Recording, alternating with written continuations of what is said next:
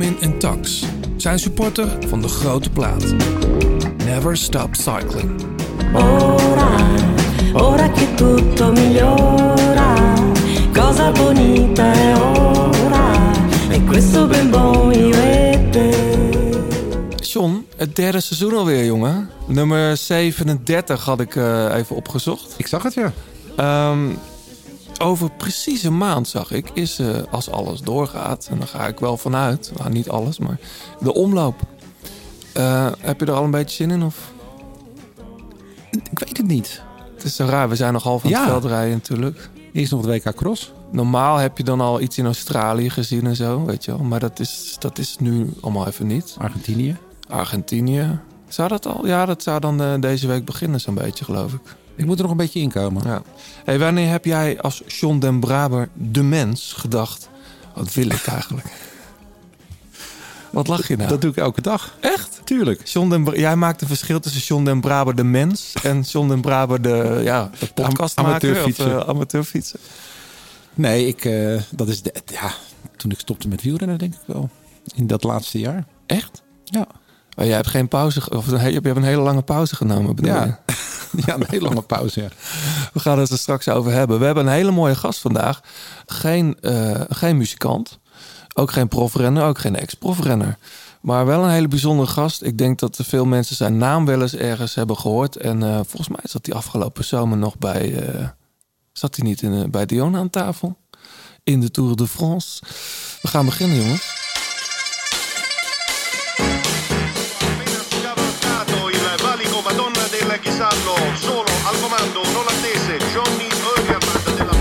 De liefde.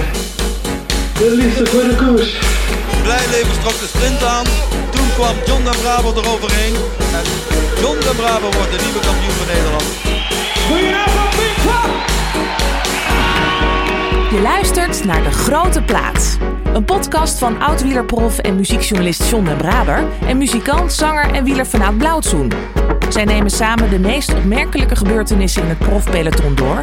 bespreken hun favoriete nieuwe muziek... en gaan op zoek naar het muzikale hart van renners... en het wielerhart van artiesten.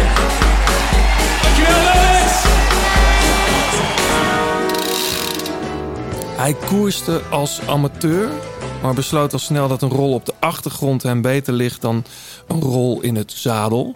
Zeg ik dat goed? Eh, samen met zijn broer Ilko is hij de drijvende kracht achter de opleidingsploeg SEC Racing Academy. Als manager werkte hij eh, onder andere met Bauke Mollema, Thomas Dekker, Nicky Terpstra, Dan Martin, Wout Poels, Sepp van Marken. De lijst is, is nog veel langer. En tot voor kort was hij ook de manager van Dylan Groenewegen en Fabio Jacobsen. Welkom Martijn Berghout. Dankjewel. Dat klopt toch? Tot voor kort. Want jij hebt een switch gemaakt, toch? Klopt, ja. Ik, eh, ik ben eh, eigenlijk vanaf mijn twintigste eh, zit ik in het professioneel wielrennen. Ja. En nu na 15 jaar, wij doen zeg maar als zeg om een beetje achtergrond te... Zeg je nou zeg of sec? Wij zeggen zeg. Zeg. Maar het is in het Engels. Ik heb ook een aantal collega's die zeggen sec. Ja. Maar het is Sports Entertainment Group. Ja.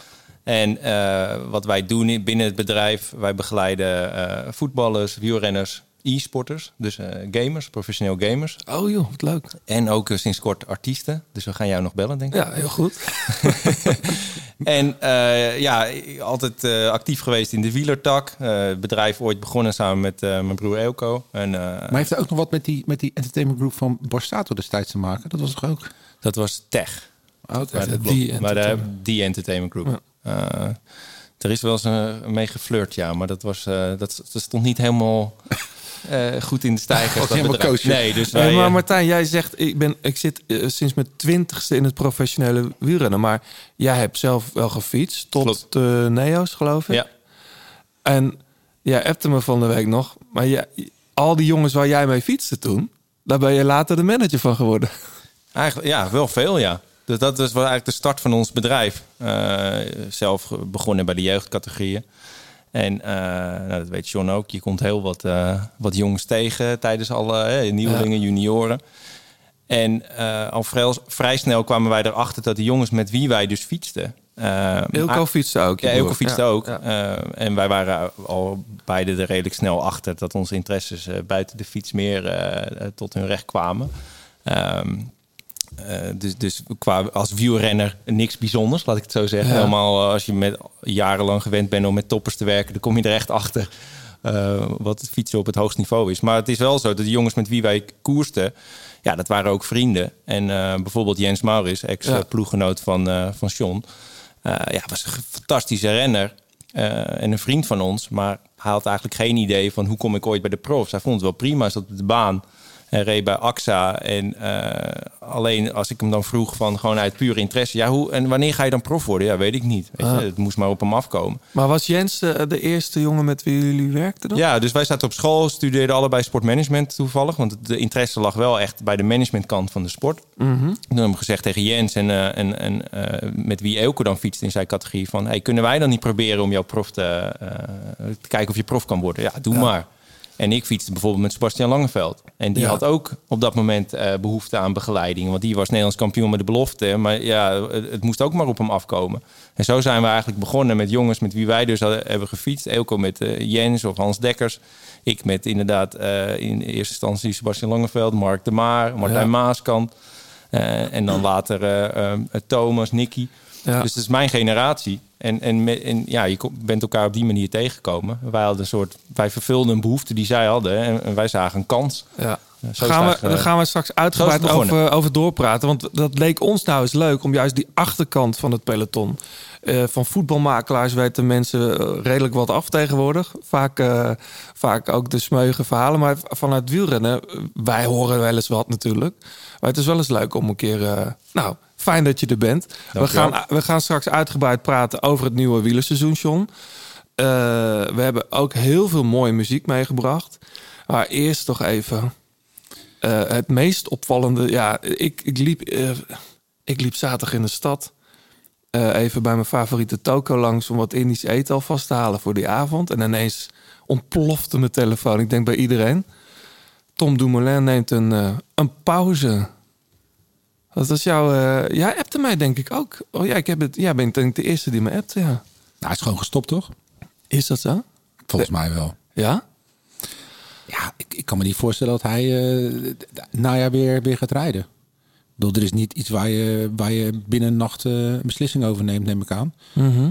En ehm, ja, ik, eh, ik ben... Ja, weet je, overal wordt gespeculeerd. Mensen nemen het voor hem op. Mensen branden hem af. Is het zo? Ja. Nou ja, ik bedoel, eh, eh, Danny Nelissen die had nog een, eh, ons gementiond in een tweet. Wat dan?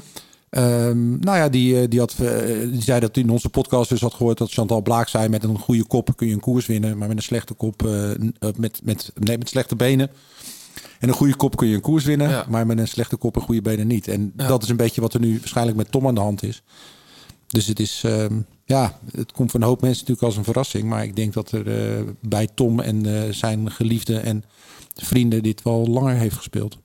Ja, ik vind het, ja, ik, ik bedoel, ergens vind ik het heel tof dat hij, dat hij zo'n beslissing neemt. En iedereen roept ook, het is moedig en zo. Maar volgens mij, als je zoiets doet, heeft het weinig met moed te maken. Dan Nee. heb je gewoon geen andere keuze voor jezelf. En moet je dat gewoon doen. Ik dacht wel, de liefhebber in mij hoopt toch, ik hoop toch wel dat hij de, de, de wielrenliefhebber in mij hoopt wel dat hij weer opstapt. Ik moest wel aan Marcel Kittel denken natuurlijk. Die is ook volgens mij één keer eerder voordat hij onverwacht ook stopte... heeft hij ook een pauze genomen. En is daarna wel weer opgestapt. Eh, dus dat, het zou natuurlijk kunnen. Ik bedoel, Ja, maar je neemt geen pauze van een studie of zo. Hè? Het is gewoon, de, de- de- wielrennen is een lifestyle. Ja. En, en ik kan me niet voorstellen dat hij nu blijft trainen bijvoorbeeld. Weet je, hij wil die fiets gewoon even niet meer zien. Nee. Hij gaat leuke andere dingen doen. En eh, als je in het wielrennen een maandje eruit bent, dan kost het je vier maanden om weer terug te komen. Dus ja, ga de rekensom maar maken straks dus. Ja, je kan ook niet van comeback naar comeback gaan. Hè? Hij, hij heeft al een comeback gemaakt afgelopen jaar. ja.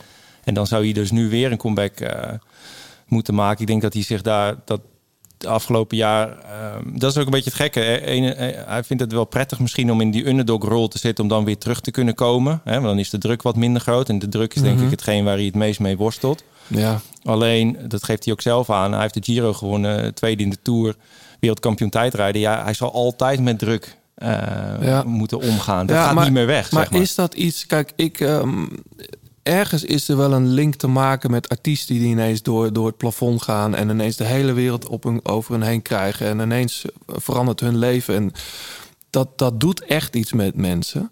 Eh, dat is ook met Dumoulin ge- gebeurd natuurlijk. Na de Giro, hij is groter geworden dan het Nederlandse wielrennen, weet je wel. Klopt. Ja, ik denk dat is hij daar dan niet goed in begeleid. Hij, iedereen weet nog dat hij natuurlijk terugkwam van de Giro. Ik was in Milaan toen. Eigenlijk volgens mij een paar dagen later. eh, waar hij ging naar huis. Dat stond iedereen voor zijn huis eh, was verzameld en hij tweette fuck off. Eh, ik weet nog, ik was daar ook toevallig bij jij ook, John. Dat we naar het hoofdkantoor van Sunweb in, waar was het? Ah, ja, we spelen daar toch? Ik heb, daar- ja, ik werd ingehuurd om daar een liedje. En het was hartstikke leuk. Alleen ik dacht, wow, nu begint het. Hij wordt helemaal geleefd, helemaal geleefd.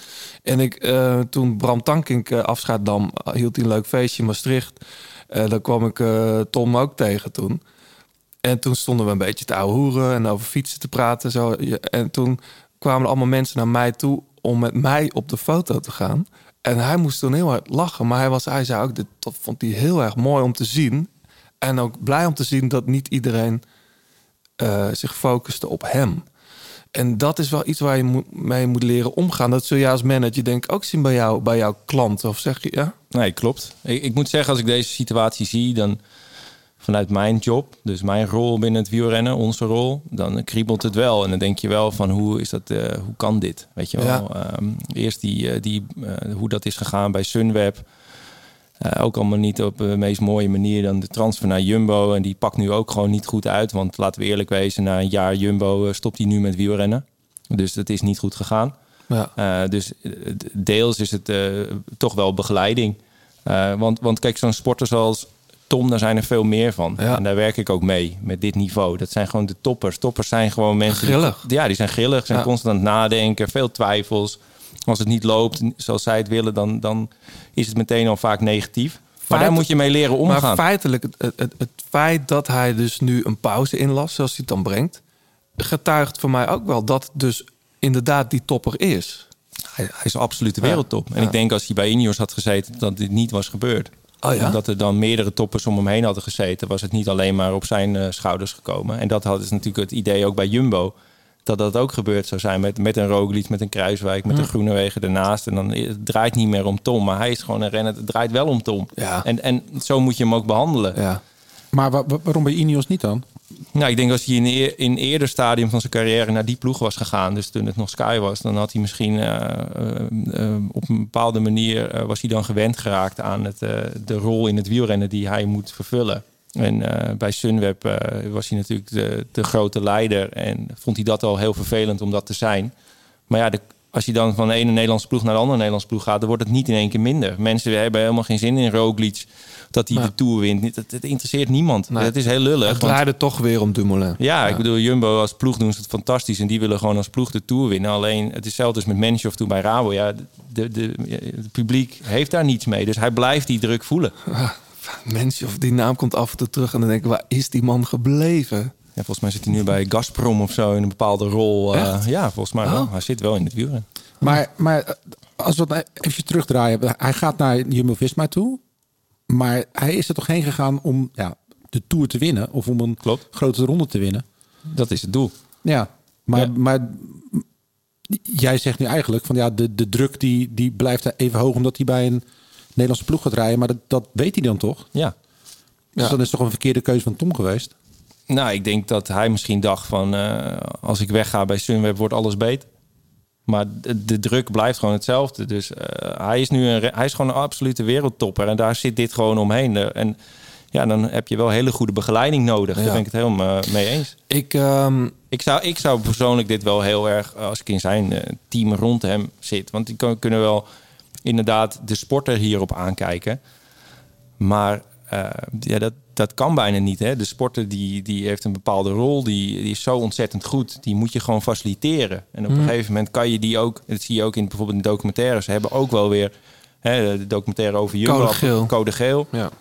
Eh, we zijn in Nederland ook best wel goed in een beetje belerend naar een topper zijn. Echt, hè? je, je mag geen topper zijn in Nederland. En, eh, Ja. en Dumoulin is echt een hele intelligente jongen. Eh, ik denk ook echt gewoon een hele nette gozer. Eh, ik heb hem een aantal keer ontmoet. Nou, ik vind hem eh, Ontzettend sympathiek. En, maar het is wel, het is wel een, een echte grillige topwielrenner... die gewoon knijterhard is voor zichzelf en voor zijn omgeving. Het is gewoon geen leuke jongen om in de groep te hebben. Maar daarom is hij ook zo goed. Ja. Als je begrijpt wat ik bedoel. Ja, ik weet heel goed wat Ja, je bedoelt. en- want, en- want dat hele dat gedoe over het zadeltje hoger, lager... dat werd op een gegeven moment vervelend voor de ploeglijn. Terwijl ik dacht, goh, dat is wel gewoon Tom Dumoulin, weet Ja, je wel? dat had hij zelf ook wel door hoor. Dat vond ik juist zo mooi dat hij zei van als een ander dat zou doen, dan zou ik er ook van kotsen.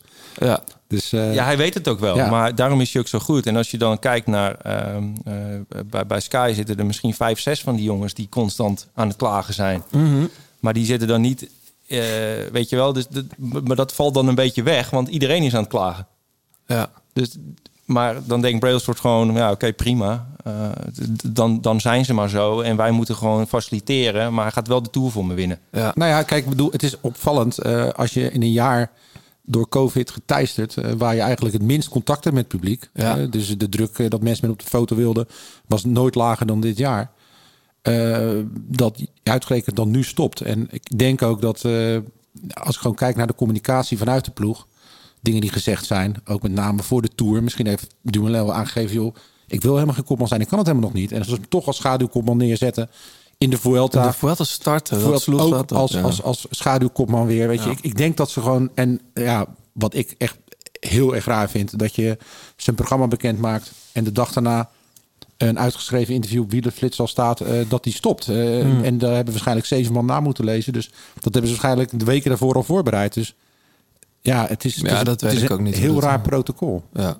Laat, maar eh, nogmaals, kijk, ik laten we het beste voor Tom hopen. Het gaat er toch om dat hij een gelukkig man wordt. Al zou hij vandaag stoppen, dan heeft hij natuurlijk een... eh, het definitief, zeg maar. Heeft hij natuurlijk een fantastische carrière. Ja. Weet je, Giro gewonnen. Eh, ja, dus, dus hij mag al heel erg trots zijn. Eigenlijk is de rest is alleen maar bonus. Alleen, hij voelt... eh, ergens heeft hij toch gevoeld van... ik moet de Tour nog een keer winnen. Ja. Ja, en dat wordt wel lastig. Maar wij toch ook met z'n allen? Hebben we dat een beetje gedacht? Niet? Nou, ja. Als wielerfans? Niet ge- hij werd nog tweede in 2018. Ja, dat was de kans, denk ik. Ja, alleen op het moment, je ziet in het wielrennen kan je, eh, het is gewoon heel lastig als je er een bepaalde periode tussenuit gaat om dan eh, terug te komen met een overwinning in een grote ronde. Ja, maar het dus is dat is ook niet realistisch om, eh, om te verwachten. Nee, zeg maar. de afgelopen jaar niet hoor, bedoel Nee. ik. Nee, maar dan nog, denk ik, wat voor niveau heeft hij dan toch gehaald? Weet je, als je zevende wordt in de Tour, terwijl je eigenlijk in dienst rijdt en dan ook die laatste tijdrit nog zo goed bent. Maar, maar zou Dumoulin in een soort van geestink-achtige rol kunnen functioneren? Nee, hij is alles behalve een knecht. En dat zag je natuurlijk eh, in deze Tour. Daarom voelde hij zich ook totaal niet prettig in die omgeving. En, en moest hij opeens op kop rijden voor Roglic. En eh, heeft hij daar natuurlijk veel moeite mee gehad. Ik denk dat dat beeld van die tijdrit... Ja, hij baalde oprecht voor zichzelf dat hij die tijdrit niet won. Ja, En dat is toch mooi? Dan ben je toch, dat, mooi. dat is toch de renner die je wilt tekenen? zeker. Dat is hetzelfde. eh, De renners die het meest moeilijk, de moeilijke gasten, die moet je meteen tekenen. Ja. En dan kijken of, Oh of ja, je daar dat iets. is wel leuk dat je Nee, dat waar was jij 30 jaar geleden, man? Ja, nou ja. De meest moeilijke gast. ja, precies. Je zit een moeilijke gast naast me, inderdaad. Ja. Maar dat is wel jij zo. zo bekend, als Ja, moeilijk- zeker. Ja? Ja, jongen uit de grote stad. Ah, echt joh? Ook wel heel Ik ken stom. je helemaal niet als een moeilijke heel gast. stomme interviews gegeven. Ja, maar ik ben nu eh 50, eh, Johannes. ik ben nu ben ik tot rust gekomen. Nee, maar het is inderdaad, als je, als je een beetje een mening hebt, dan, eh dan vinden ze moeilijk in de wielersport. Hmm. Hey, eh, laten we het beste hopen voor Tom. Ook al eh, stapt hij niet meer op, eh, we wensen hem het allerbeste. Ik zou hem, ja, het, de liefde voor het fietsen zit bij hem wel diep. Dat heb ik al wel gezien. Dat zal iedereen die hem kent beamen. Alleen of je dat dan op professionele wijze moet doen, dat is een tweede natuurlijk. Wat ons verder nog opgevallen is, want er is nog een hoop gebeurd. We zijn natuurlijk een maand even weg geweest, dikke maand. Ja. Jocko Kelderman. oh, Als er ook ergens een bananenschil ligt, dan, dan valt hij eroverheen. Ja, Ja, dat wat, is zo eh, sneu. Voor de mensen die het gemist hebben, de Bora-renners, eh, een aantal renners op, eh, op trainingskamp, die zijn aangereden. Ieder Schelling niet. Heb je nog gelezen wat hij erover op social media zei? Nou, dat er een- engeltje op zijn schouder zat. Ja, Ja, maar maakt ook zo'n beetje zo'n grapje van... je hebt wat voor gasten die even die zes uur vol willen maken. hij was eerder, Hij was hij was eerder eerder naar het hotel Ja. gegaan. Ja, maar goed, wel jammer van Wilco dat hij erbij lag. Maar ik begrijp wel dat, het, dat hij wel weer op niveau komt voor de Tour, wordt al wordt gezegd. Maar het is wel jammer. Ja, je zeker. ziet hoe, wat, wat voor niveau die haalt als hij een keer een jaartje geen pech heeft. Zoals vorig jaar. En dan... Nou goed. Ehm, Verder nog, eh John? Ja, Hirschi. Ja, Dat is goed dat we een manager aan tafel hebben zitten. Want hoe, hoe kan een... eh, Ik heb dan nog nooit gezien dat een renner... in twee weken tijd twee teampresentaties doet bij verschillende ploegen. Nee, ik ook niet. Eh, Bijzonder. heel bijzonder. Hirschi stapt over van eh, team DSM, zeg maar het voormalige Sunweb... naar eh, de, de Emiratenploeg van uh, Pogacar. Ja, nou ja, dan, dat kan maar één ding betekenen. Is dat je dus dat beide partijen niet met elkaar verder willen. Ja, dat, dat is Dat helder. is- ik bedoel, maar want- gaat het want dan je- om je- geld of wat? Je hoeft in het wielrennen in principe, het is geen voetbal. hè. Er zit geen waarde aan een renner. Dus je, kan niet zeggen van eh, een ploeg meldt zich, UAE meldt zich bij, eh, bij DSM en zegt van nou, we vinden het toch wel, we kijken nu, we hebben nog iemand nodig eh, naast Pogacar, we gaan Hirschi halen en we leggen een zak geld neer. Want je moet dan gewoon over, praten over het afkopen van een contract. Maar als je ehm, zegt als eh, ehm, DSM van nee, we vinden het prima, hij blijft hier gewoon, dan hoef je ook helemaal niet in gesprek. Want het is niet dat je eh, de renner gaat afschrijven. Hè? Het is geen eh, transferwaarde die daalt. Nee, Dat hij van de zomer nog maar de helft waard is ten opzichte van nu. nee. Dus ja, eh, ze zullen redenen hebben bij DSM om hem te laten gaan. Ja. Oh, je denkt dat het... Maar je kan het ook andersom zien. De manager van Hirschi, Cancellara... die denkt... eh, Ja, dat dat Cancellara zal ze redenen hebben om hem weg te halen voor een, een beter contract. En Maar- dan gaat het dan om geld? Of zou het dan, heb jij het idee dat het dan ook om, om een programma gaat... wat je zou willen rijden? Of de rol? Of... kan alleen maar om geld gaan. Ik bedoel, als jij als een neoprof tekent voor eh, Sunweb, wat gewoon een hele goede ploeg is en je ontwikkelt je zo ontzettend goed Ja, daar. iedereen was fan ineens van hem. Vorig jaar toch een van de... smaakmakers. Ja, Ja, en ik bedoel, eh, en dan ga je dus naar de ploeg waar de toerwinnaar zit, dat ook nog een generatiegenoot, die in principe dus altijd de leider is voor de komende jaren. En dan ga je dan naast rijden. En terwijl je bij, Sun, eh, bij DSM, sorry, een vrije rol kan krijgen in de Tour. En dus voor die ritzegers kan gaan of voor een klassement of voor de bollen. eigenlijk ja, voor wat is je het wil. een rare ja. move. Ja, Uh, maar ja, Cancellara uh, is een Zwitser. Gianetti is de teammanager. nou, ja, jij UAE. noemt de naam Giannetti. Ik, ja, iedereen die de wielersport al langer volgt... die weet wat voor, wat voor een eh, historie die man heeft. Ik, vind, dat- ik schrik daar dan toch van. Denk, ja, zo'n man verandert volgens mij niet. Mensen veranderen maar zelden. Zeker op die leeftijd. En dan, rij je, en ga je tekenen bij zo'n ploeg. Dat denk, vind ik toch jammer. Vind ik jammer. Maar ja, aan de andere kant, als ik Martijn een beetje eh, bespeur wat jij zegt, is dat hij misschien wel bij DSM weg moest. Ja, ik heb geen idee. Ik ken de achtergrond niet. Alleen ik weet gewoon dat een, een team... Als je, dus op het moment dat er een, een, eh, een renner weggaat... die nog in een contract zit... Mhm. In het wielrennen althans... dan is het dus altijd zo dat de ploeg die, eh, waar de renner op dat moment dus nog zit... in Ja. dit geval DSM, die moet meewerken. Dus die moet eh, zeg maar incentives zien... en een meerwaarde zien om die renner te laten gaan. Ja. Nou, wat kan de meerwaarde zijn van een Contract afkopen het- hij, hij zat niet op een groot contract. Dus het is niet dat eh Ivan Spekerbrink geld nodig heeft. Want hij heeft net een hele grote sponsor getekend. Ja. Dus ze zullen redenen zien bij de partijen om niet met elkaar verder te gaan. Ja, dat, dat is gissen naar die redenen. Ja. Maar dat is geen sportieve reden. Of, eh, weet je, Nee. en, en, en wat Cancellaris rol daarin is, ja, geen idee. Nee. Een andere, andere grote naam die contract heeft opengebroken, heeft verlengd Wout van Aert hè, bij Jumbo-Visma. Dat was op zich niet heel verrassend. Ik begreep wel dat er, dat er heel veel, uiteraard heel veel andere ploegen in de, of niet in de race, in geïnteresseerd waren in ieder geval. Maar dat Wout van Aert met niemand zelf contact heeft gehad daarover. Maar dit is toch een goede keus, toch? Wout van Aert bij Jumbo-Visma. Als je ziet hoe ja, dat... eh, zeker. Ik bedoel, hij, eh, ik denk dat er maar één andere ploeg was die in staat zou zijn om hem te betalen. Dus dan, dan weet je, ik, dan, dan klinkt het leuk om te zeggen, ik kan naar ieder team, dat klopt. Maar kunnen, kan misschien één team je maar betalen en dat is Ineos. mhm. En hij zal de afweging hebben gemaakt van ja, waar, waar ga ik er dan op vooruit? Nou, qua rol niet. Ehm, dus, en, en hij heeft nu een ideale situatie met het crossen, weet je wel, Nederlandstalig. Ik denk dat hij, Ja. hij zit perfect hier. Is het daarmee een van de best betaalde renners, denk je, in dit jaar in het peloton? Ik denk dat hij nu wel, eh, of in ieder geval dat, eh, dat lijkt me wel logisch, dat hij een van de best betaalde renners wordt. Ja.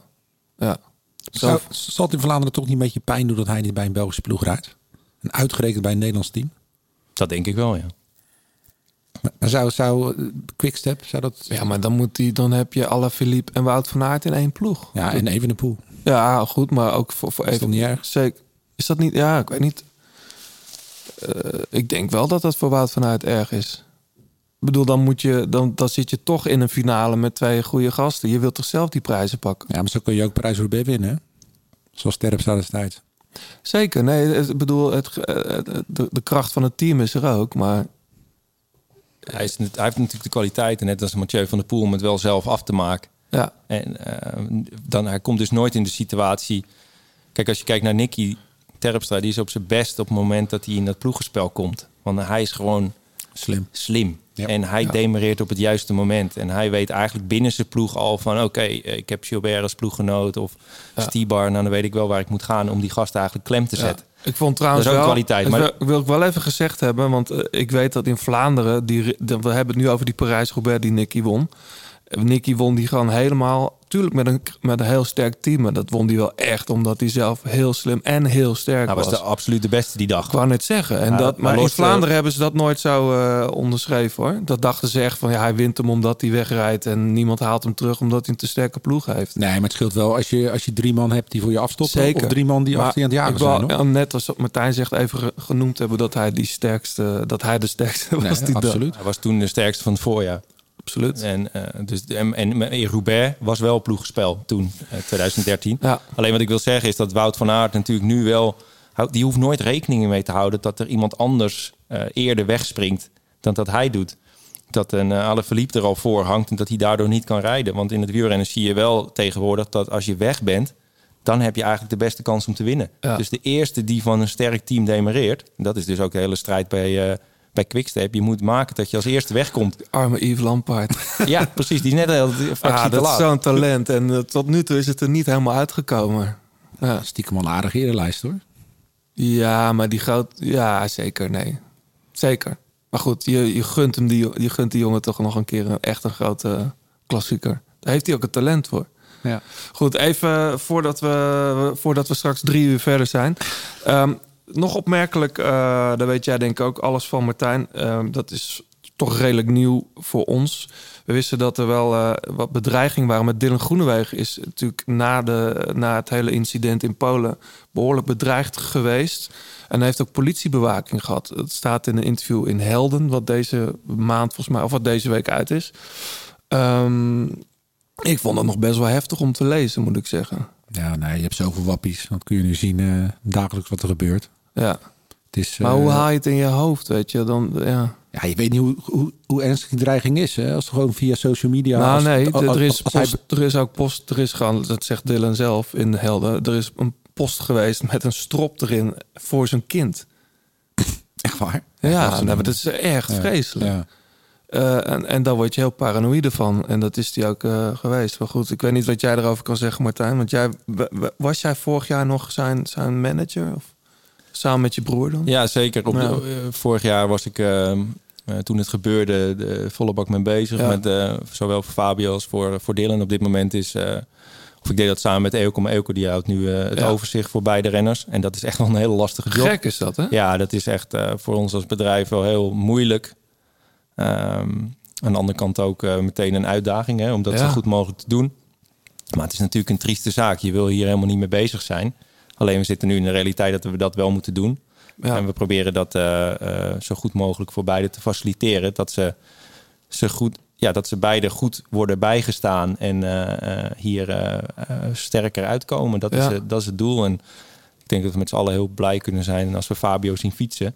Man, En dat, is, dat is het mooiste nieuws. En, maar dat dit, dit is nog voorlopig nog niet weg. Weet Nee. je wel, het gaat, misschien, het gaat ook nooit meer weg. Hebben- daar moeten we mee leren leven. Hebben jullie er als management over nagedacht om misschien een van de renners uit te besteden? Om het maar zo te zeggen. Is het niet zo ingewikkeld eh, dat je beide renners begeleidt in, in, de, in dit verhaal?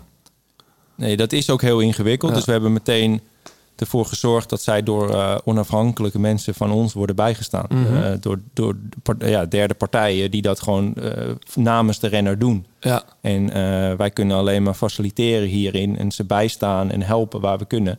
Maar inderdaad, ja, je geeft het antwoord al. Je- het is zo ingewikkeld dat je dat ook niet kan doen. En Eelco in dit geval moet dat, die is daar dagelijks mee bezig Ja. om dat eh, goed te coördineren. En dat is, een, dat is een hele lastige taak. de jongens hebben nog niet bij elkaar aan tafel gezeten, hè? Dylan en Fabio. Dat is nog te vroeg.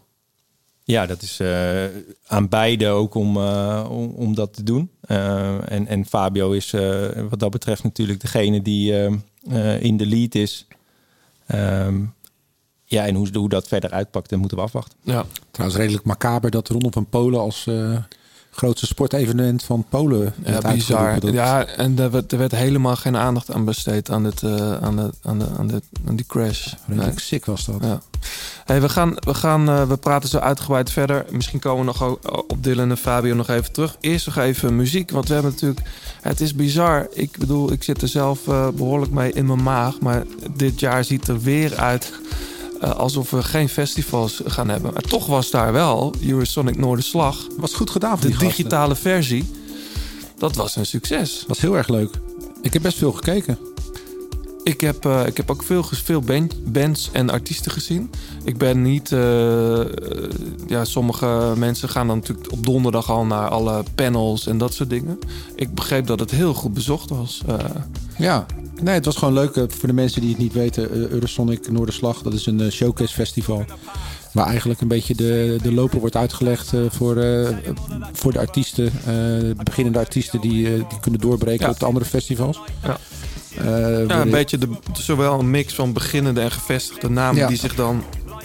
eh, die je dit jaar heel veel gaat zien. Ja, voor de industrie heel, heel belangrijk weekend. En dat eh, kon dus nu ook niet doorgaan. Maar ehm, de organisatie had ervoor gekozen om een online versie te doen. Daar alle artiesten zelf opnames eh, stuurden, videoclips. Eh, Sommigen hadden daar iets meer, moeite voor aan. Ja, sommige, nee, sommige Nederlandse artiesten waren wel echt in Groningen. Die werden van tevoren getest. Gingen daarheen en werd prachtig in beeld gebracht door... Ja, de, denk NTR de- deed, dat, eh, deed de productie. Of samen met VPRO, denk ik. Ja, dus het was, eh, we konden gewoon eh, drie dagen weer genieten van, van leuke nieuwe bands. En, ik, eh, En, nou, en bekende namen die we hier ook wel eens voorbij hebben zien komen. ja ik, ik, ik was best wel trots op dat we met eh, heel veel actie op Noorderslag stonden. Dus zeg maar de Nederlandse, eh, de Nederlandse versie. Ja. Eh, dat we zeven, acht artiesten toch eh, voorbij zijn gekomen dit seizoen.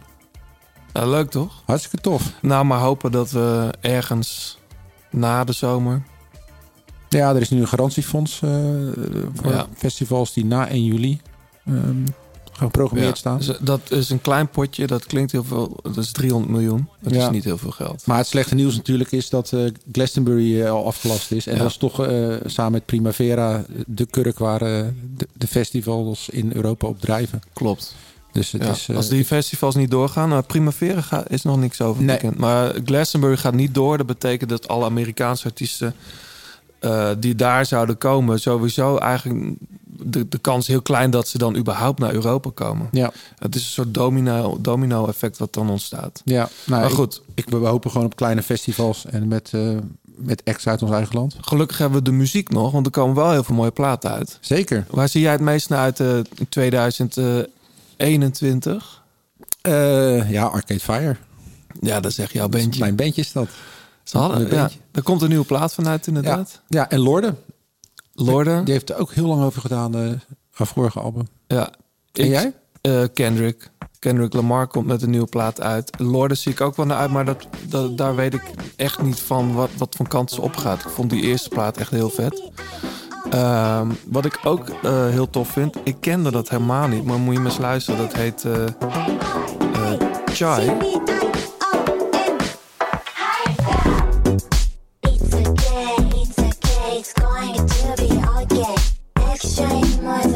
De grote plaats kopgroep.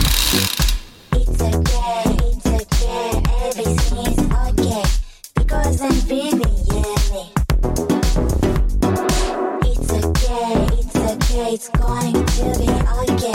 Actions more than.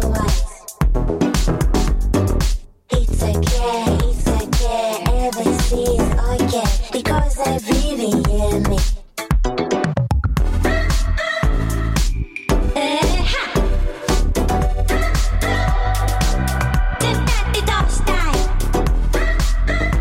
nieuw bandje voor mij.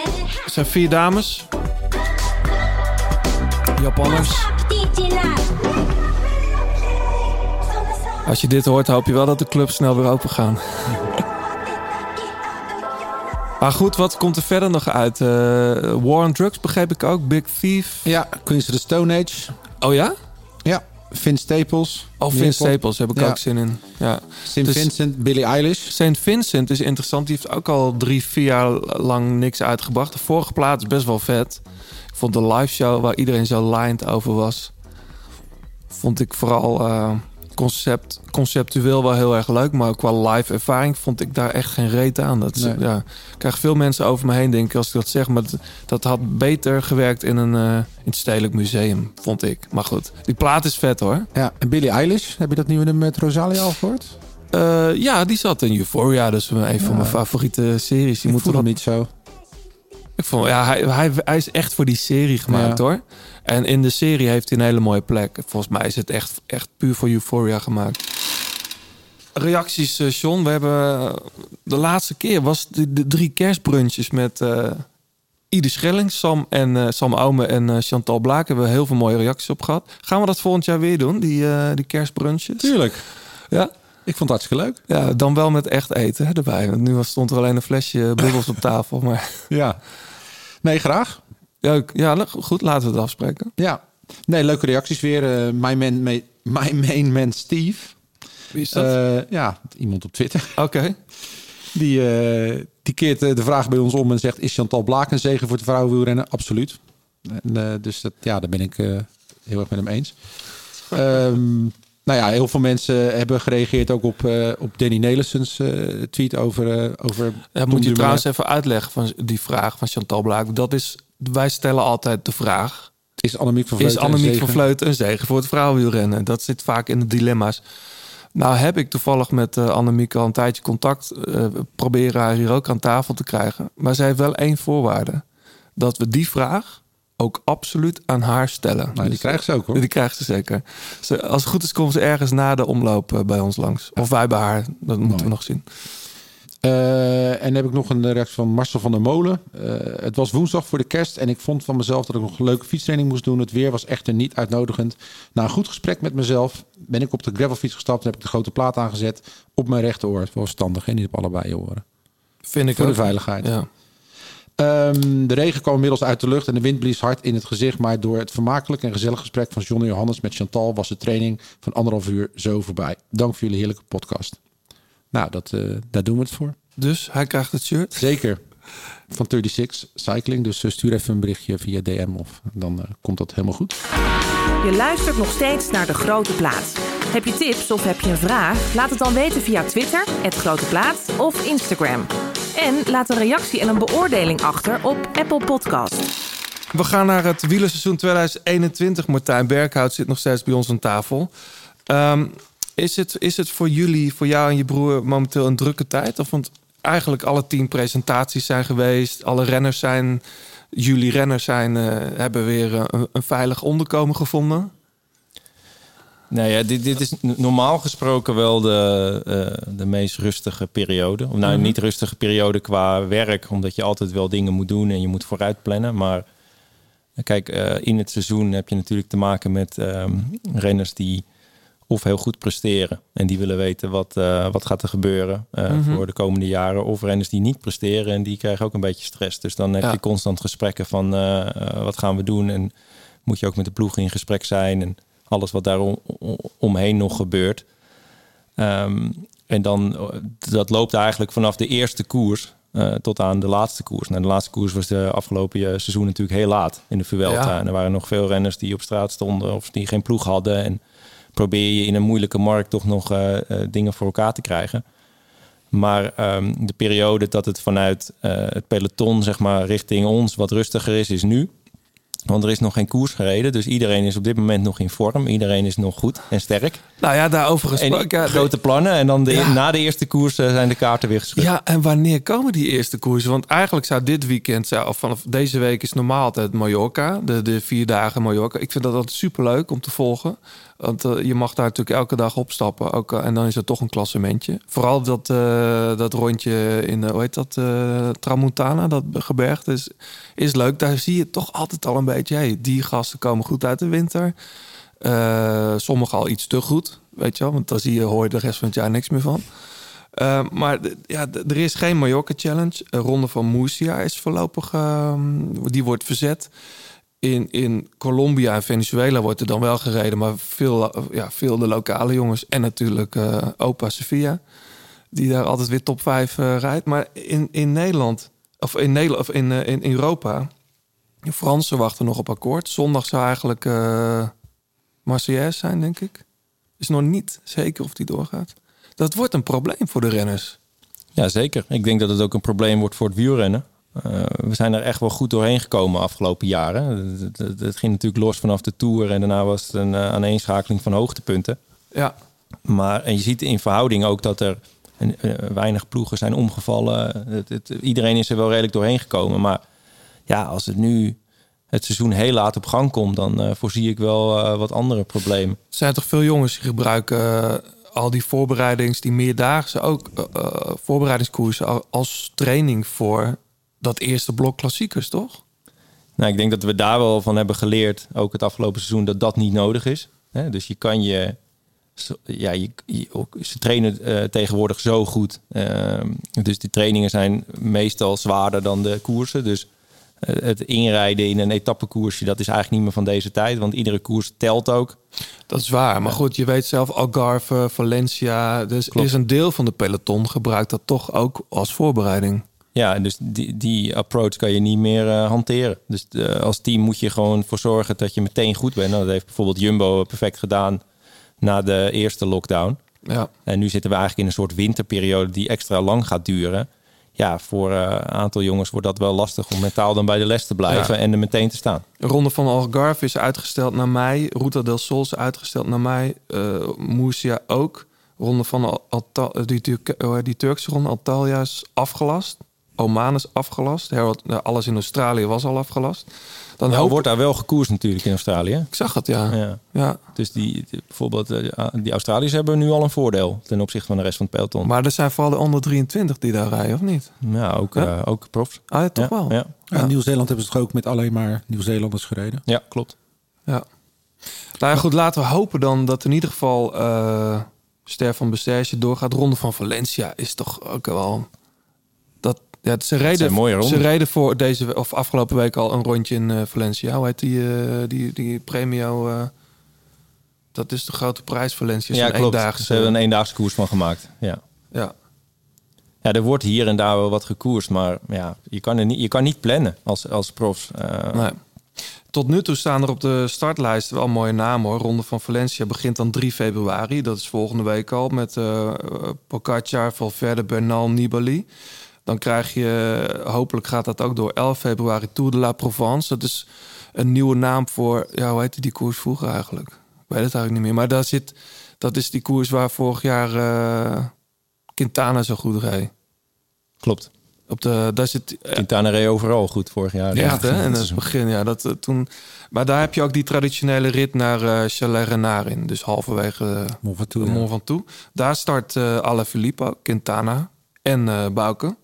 Bouke Mollema. Dus ja, laten we het hopen, eh, John. En anders beginnen we gewoon in Vlaanderen. Want daar gaat het altijd door volgens mij. E3-prijs heeft wel aangekondigd dat het gewoon zonder publiek doorgaat. Ja, dan, dan zal het bij de rest ook zo zijn. Maar Martijn, hoe, hoe lang houden die organisatoren dat vol? Ik bedoel, je weet zelf dat die de Ronde van Vlaanderen, Gold Race, die zit heel erg op sponsoring, toertocht, eh, extra inkomsten. Is, het- is het nog een jaar te doen? Nou ja, dat, dat is dus ook mijn zorg. Dat, eh, die klap gaat nog komen. Dus ja, eh, inderdaad, de organisatoren, hoe, eh, ja, gaan die het voor elkaar krijgen om überhaupt een koers te organiseren? Kijk, als die ploegen op tv zijn, dan kan je wel naar de sponsor toe van... ja, ik heb gewoon mijn tv-minuten gemaakt, weet je wel. Er, er is iets voor teruggekomen.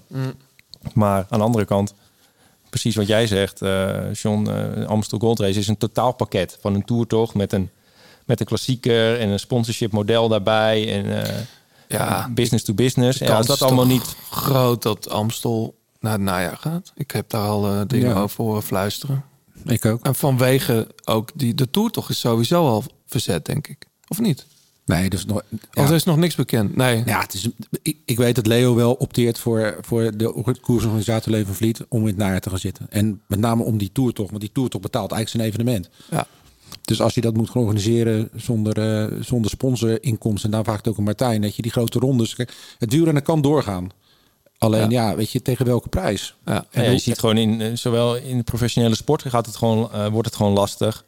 Ehm, tot het moment dat we echt weer perspectief hebben. En je ziet, het komende seizoen wordt voor het wielrennen wel een uitdaging. maar ook voor het voetbal. Voor iedereen. Voor, voor iedereen, weet Voor je de wel. muziek. Voor de Ja. muziek, precies. Ja. Voor de evenementenbranche. Dus ja, we zijn de- door de 2020 heen gekomen. Maar nu gaan die, gaan die klappen wel wat, eh, wat rapper eh, komen, denk ik. Op zich Ja. zou het helemaal niet raar zijn, toch John? De Amstel Gold Race in het najaar. Nee, zeker Ergens niet. zo voor Mooie de, koers. voor de Italiaanse herfstweken. We hebben gekkere dingen gezien afgelopen jaar. Maar wat, wat, wat ik me ook afvraag, Martijn. Ik bedoel, kijk, die, die, die goed betaalde profs, dat geloof ik allemaal wel. Maar jij zit zelf ook met, met, met je eigen, met die zegploeg.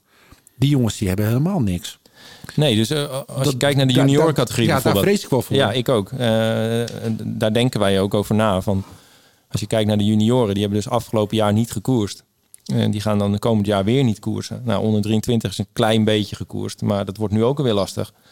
Ja, dat is wel de volgende generatie. En dan hebben we het met z'n allen over, ja, wielrennen verjongt en talenten komen door en zijn meteen goede profs. Nou, daar zien we het voorbeeld van. Alleen ik denk dat de komende twee, drie generaties zijn misschien wel weg. Want als je niet koerst, ja, dan ver- verlies je je interesse. Eh, hoe moet je je bewijzen? Waarom zou een ploeg je dan ook wel meteen tekenen? Eh, ja, het is wel problematisch. En daar hoor je de UCI of ook zelfs de KU niet over. Hè? Dus hoe gaan we daarmee om? Hoe gaan we die eh, jongeren be- bereiken? Ja. Zowel bij de dames als bij de heren.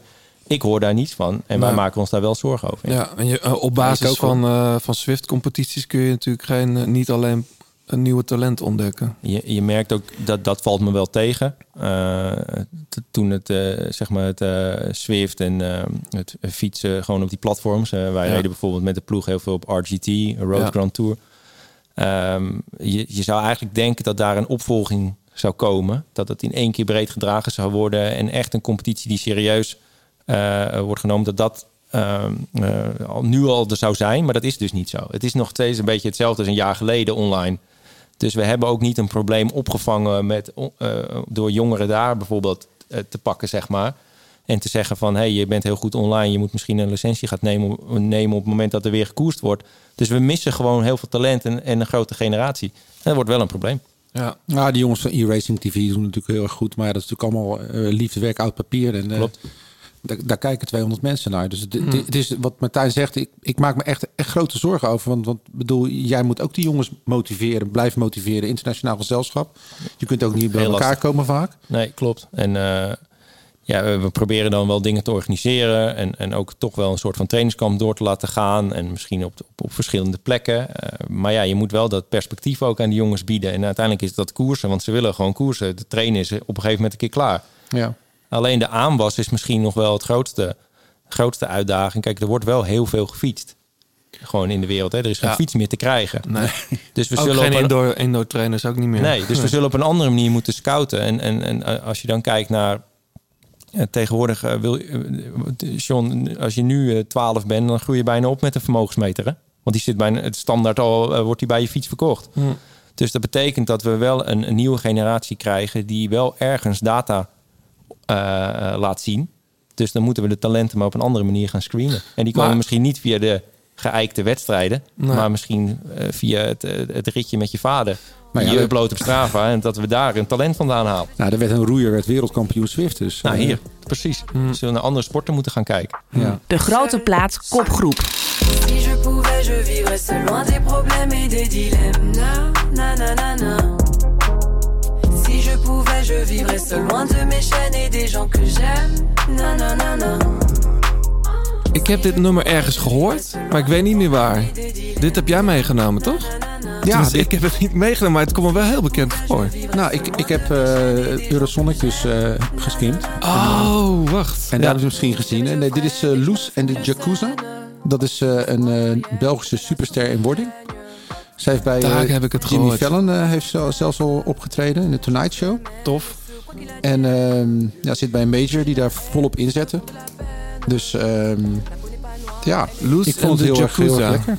Ja, het is wel heel, het is nog een dikke winter, maar dit is wel een zomers, eh, zomers liedje. Ja, gewoon een goede hip-hop met een beetje afropop eh, indie, indie randje eraan. Ja, hip-hop, ja. Ja, tuurlijk.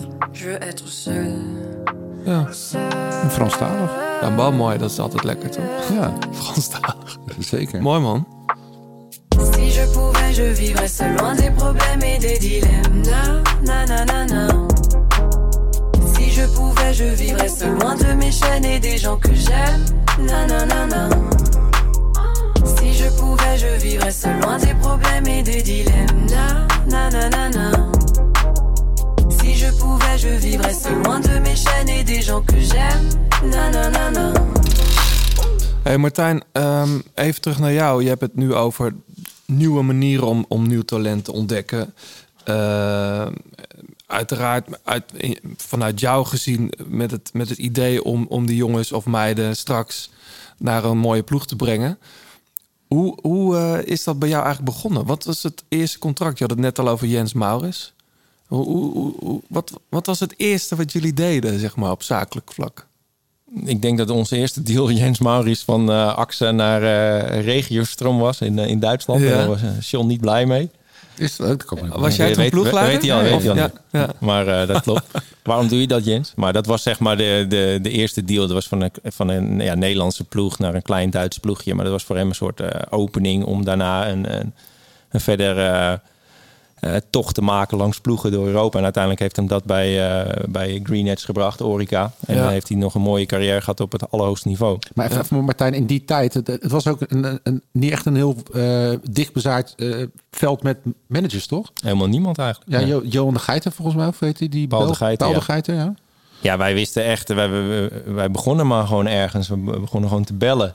Eh, we pakten de wielerrevue bij wijze van spreken erbij. En we zagen dat Ferretti eh vaste Bortolo leidde. En dan probeerden we Ferretti aan de lijn Echt, te krijgen. En dat lukte dan ook nog. Alleen we spraken geen Italiaans. Dus hij nam op. Ja. En dan was het, eh, ja, Jens Maurits, Grono, Grono, specialisten. Weet je wel? En dan maar hopen dat die antwoorden.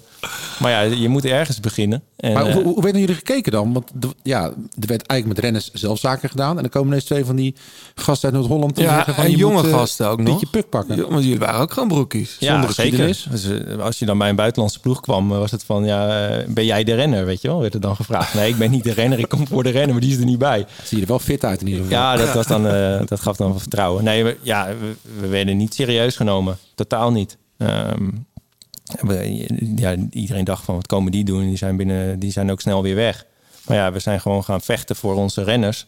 Ja. Eh, zonder ook idee te hebben dat je eraan kon verdienen. Maar gewoon vanuit een passie voor die sport en een passie voor die renner. En om die jongens van verder te helpen. Nou, dat is mij wel al opgevallen lang geleden. Ik weet niet, de Eneco Tour was er ooit een keer was er een afsluitende tijdrit in Amersfoort. En dan ging ik even heen op de fiets in de, in, in de regen. En jullie, jij en je broer stonden naar het grote scherm te kijken hoe Sebastian Langeveld daar volgens mij tweede werd. Ja, heb je goed onthouden. Ja, want dat heb ik zeker. Wat, wat me daaraan is, eh, is bijgebleven.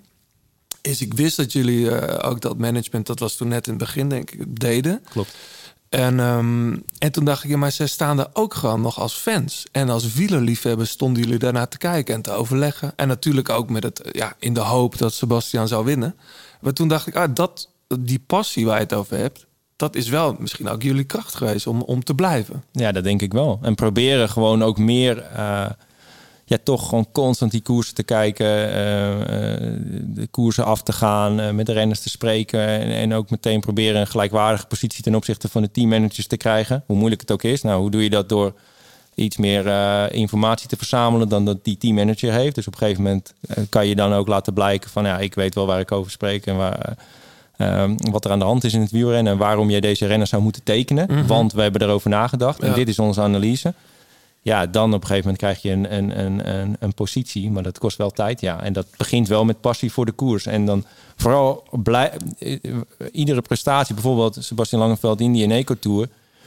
Ja, dat waren wij ontzettend trots op dat hij daar tweede Weet je werd. nog wie er won? Hagen. Ja, precies. Ja. En, en op dat moment ja, heb je dan meteen weer, eh, weet je, ik weet nog dat hij toen bijvoorbeeld heel hoog stond op de UCI-ranglijst, maar dat ze dat eigenlijk bij Rabobank niet door hadden. En dat hij de derde re- renner was eh, op de UCI-ranglijst qua punten achter, ik denk, Frère. En er zat er nog iemand tussen. En dan mm Langeveld. Maar dat wist de ploeg niet. Dan gaan wij dat de ploeg vertellen. Dus dan zie je Bruiken kijken van hoe kan dat? Heb ik, nog heel, ik heb die puntenranking nog nooit gezien. Maar daarmee creëerde je dan wel een positie voor Sebas binnen die ploeg... waar ze rekening mee, met, met hem moesten houden. Nou, dat vonden wij leuke dingen. Ja, om daarover na te tuurlijk. denken. En dan krijg je langzaam een beetje grip op de zaak. Maar hielp het ook dat het vrienden van jullie waren? Of maakt dat juist moeilijker misschien wel? In het begin hielp dat wel. Omdat ze wel eh, wisten dat wij voor ze door het vuur gingen. En op een gegeven moment is het juist goed dat je een beetje afstand krijgt op je cliënt. Dus eh, ja, jullie hadden laatst hier Ieder Schelling bijvoorbeeld. Of, eh, of Kees Bol. Ja, die zien ons eh, niet als vrienden, maar puur als een agency die ze verder kan helpen in hun carrière. Via de ploeg of via gewoon als agent. Ja, dat is natuurlijk een prettige rol, want het is anders niet vol te houden. Maar neem nou maar in het begin was dat wel fijn, ja. Maar hoe werkt dat dan? Neem nou bijvoorbeeld Ide. Hij heeft hier gezeten, super toffe gast en hele getal- getalenteerde wielrenner. Eh, ik vond het toch opmerkelijk dat zo'n jongen dan bij Bora tekent. Wat zit er dan? Hoe begeleiden jullie Ide dan bijvoorbeeld naar zo'n overgang? Want hij zat ook bij in de, in de Racing Academy. Academy, ja. Klopt. Ehm, nou, gewoon... eh, Dus, dus hij wordt begeleid i- binnen de Racing Academy. Nou, dat hebben we, hebben we best wel een paar jaar over gedaan... om dat op het niveau te krijgen dat we... Wat, wat wij nastreven. Dus dat we er gewoon van op aan kunnen... dat als een renner bepaalde prestatie levert... eh, en ook bepaalde waardes laat zien... dat je dus als je met een ploeg in gesprek bent... dat je ervan op aan kan dat je een hele goede renner aflevert. Een goed talent. Mhm. Ja, en dan heeft het te maken met informatie wat je weghaalt bij Bora. Dat je constant met zo'n team in gesprek bent. Dat je weet wat ze nodig hebben, waar ze naar op zoek zijn. Eh, want je moet, je moet je voorstellen dat de ploegen hebben natuurlijk oogkleppen op. Die zijn alleen maar bezig met die 28, 30 renners die ze hebben. En die kijken wel naar de markt en naar scouting. Maar die hebben niet die blik die wij hebben op, de, op het hele veld, zeg maar. Waardoor we ze ook gewoon gericht advies kunnen geven als ze op zoek zijn naar een bepaalde renner. Dus een team komt bij ons met zoeken een jonge klimmer met deze kwaliteiten. De- eh, dit is de leeftijd. eh, mentaliteit, hoe, hoe je een beetje in elkaar moet zitten. Nou, en dan denken wij na van nou, inderdaad, dat zou ieder perfect bij passen. Wij creëren die optie eigenlijk. Dus het is niet dat wij, moeten, je moet er achteraan jagen. Of je Ja. nou een hele goede renner hebt. Jullie bellen Bora. Bora belt jullie niet. Bora belt ons ook, maar Ja. wij bellen ook Bora. Ja, precies. Maar heb je dan ook een dubbele agenda omdat je je eigen ploeg hebt?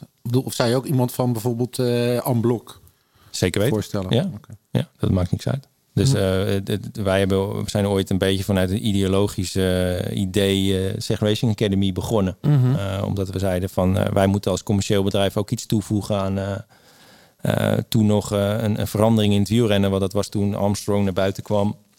En iedereen eigenlijk zijn handen van het fietsen aftrok. Van ja, wat gaan wij dan doen? Ja, wij kunnen ervoor zorgen dat we de talenten van de toekomst opleiden. En als we dat zelf doen, dan zijn we er ook zeker van dat het schone talenten zijn. Dan kunnen we ze ook met oprecht aanbieden bij de ploegen. En proberen we op die manier het wielrennen een beetje te veranderen. Hè? Ja. Een onderdeel daarvan te zijn. Nou, zo zijn we begonnen.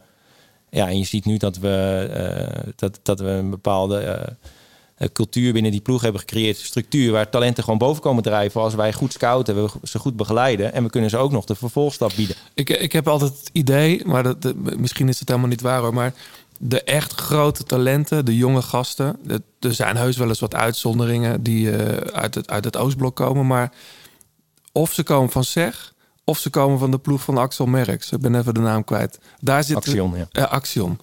Eh, Ik bedoel, als je ziet wat er vorig jaar aan, aan debutanten is, is doorge, of doorgebroken, zich aan het venster heeft eh, eh, gezet. Eh Tijmen Aresman heeft, denk ik, die heeft bij jullie ieder.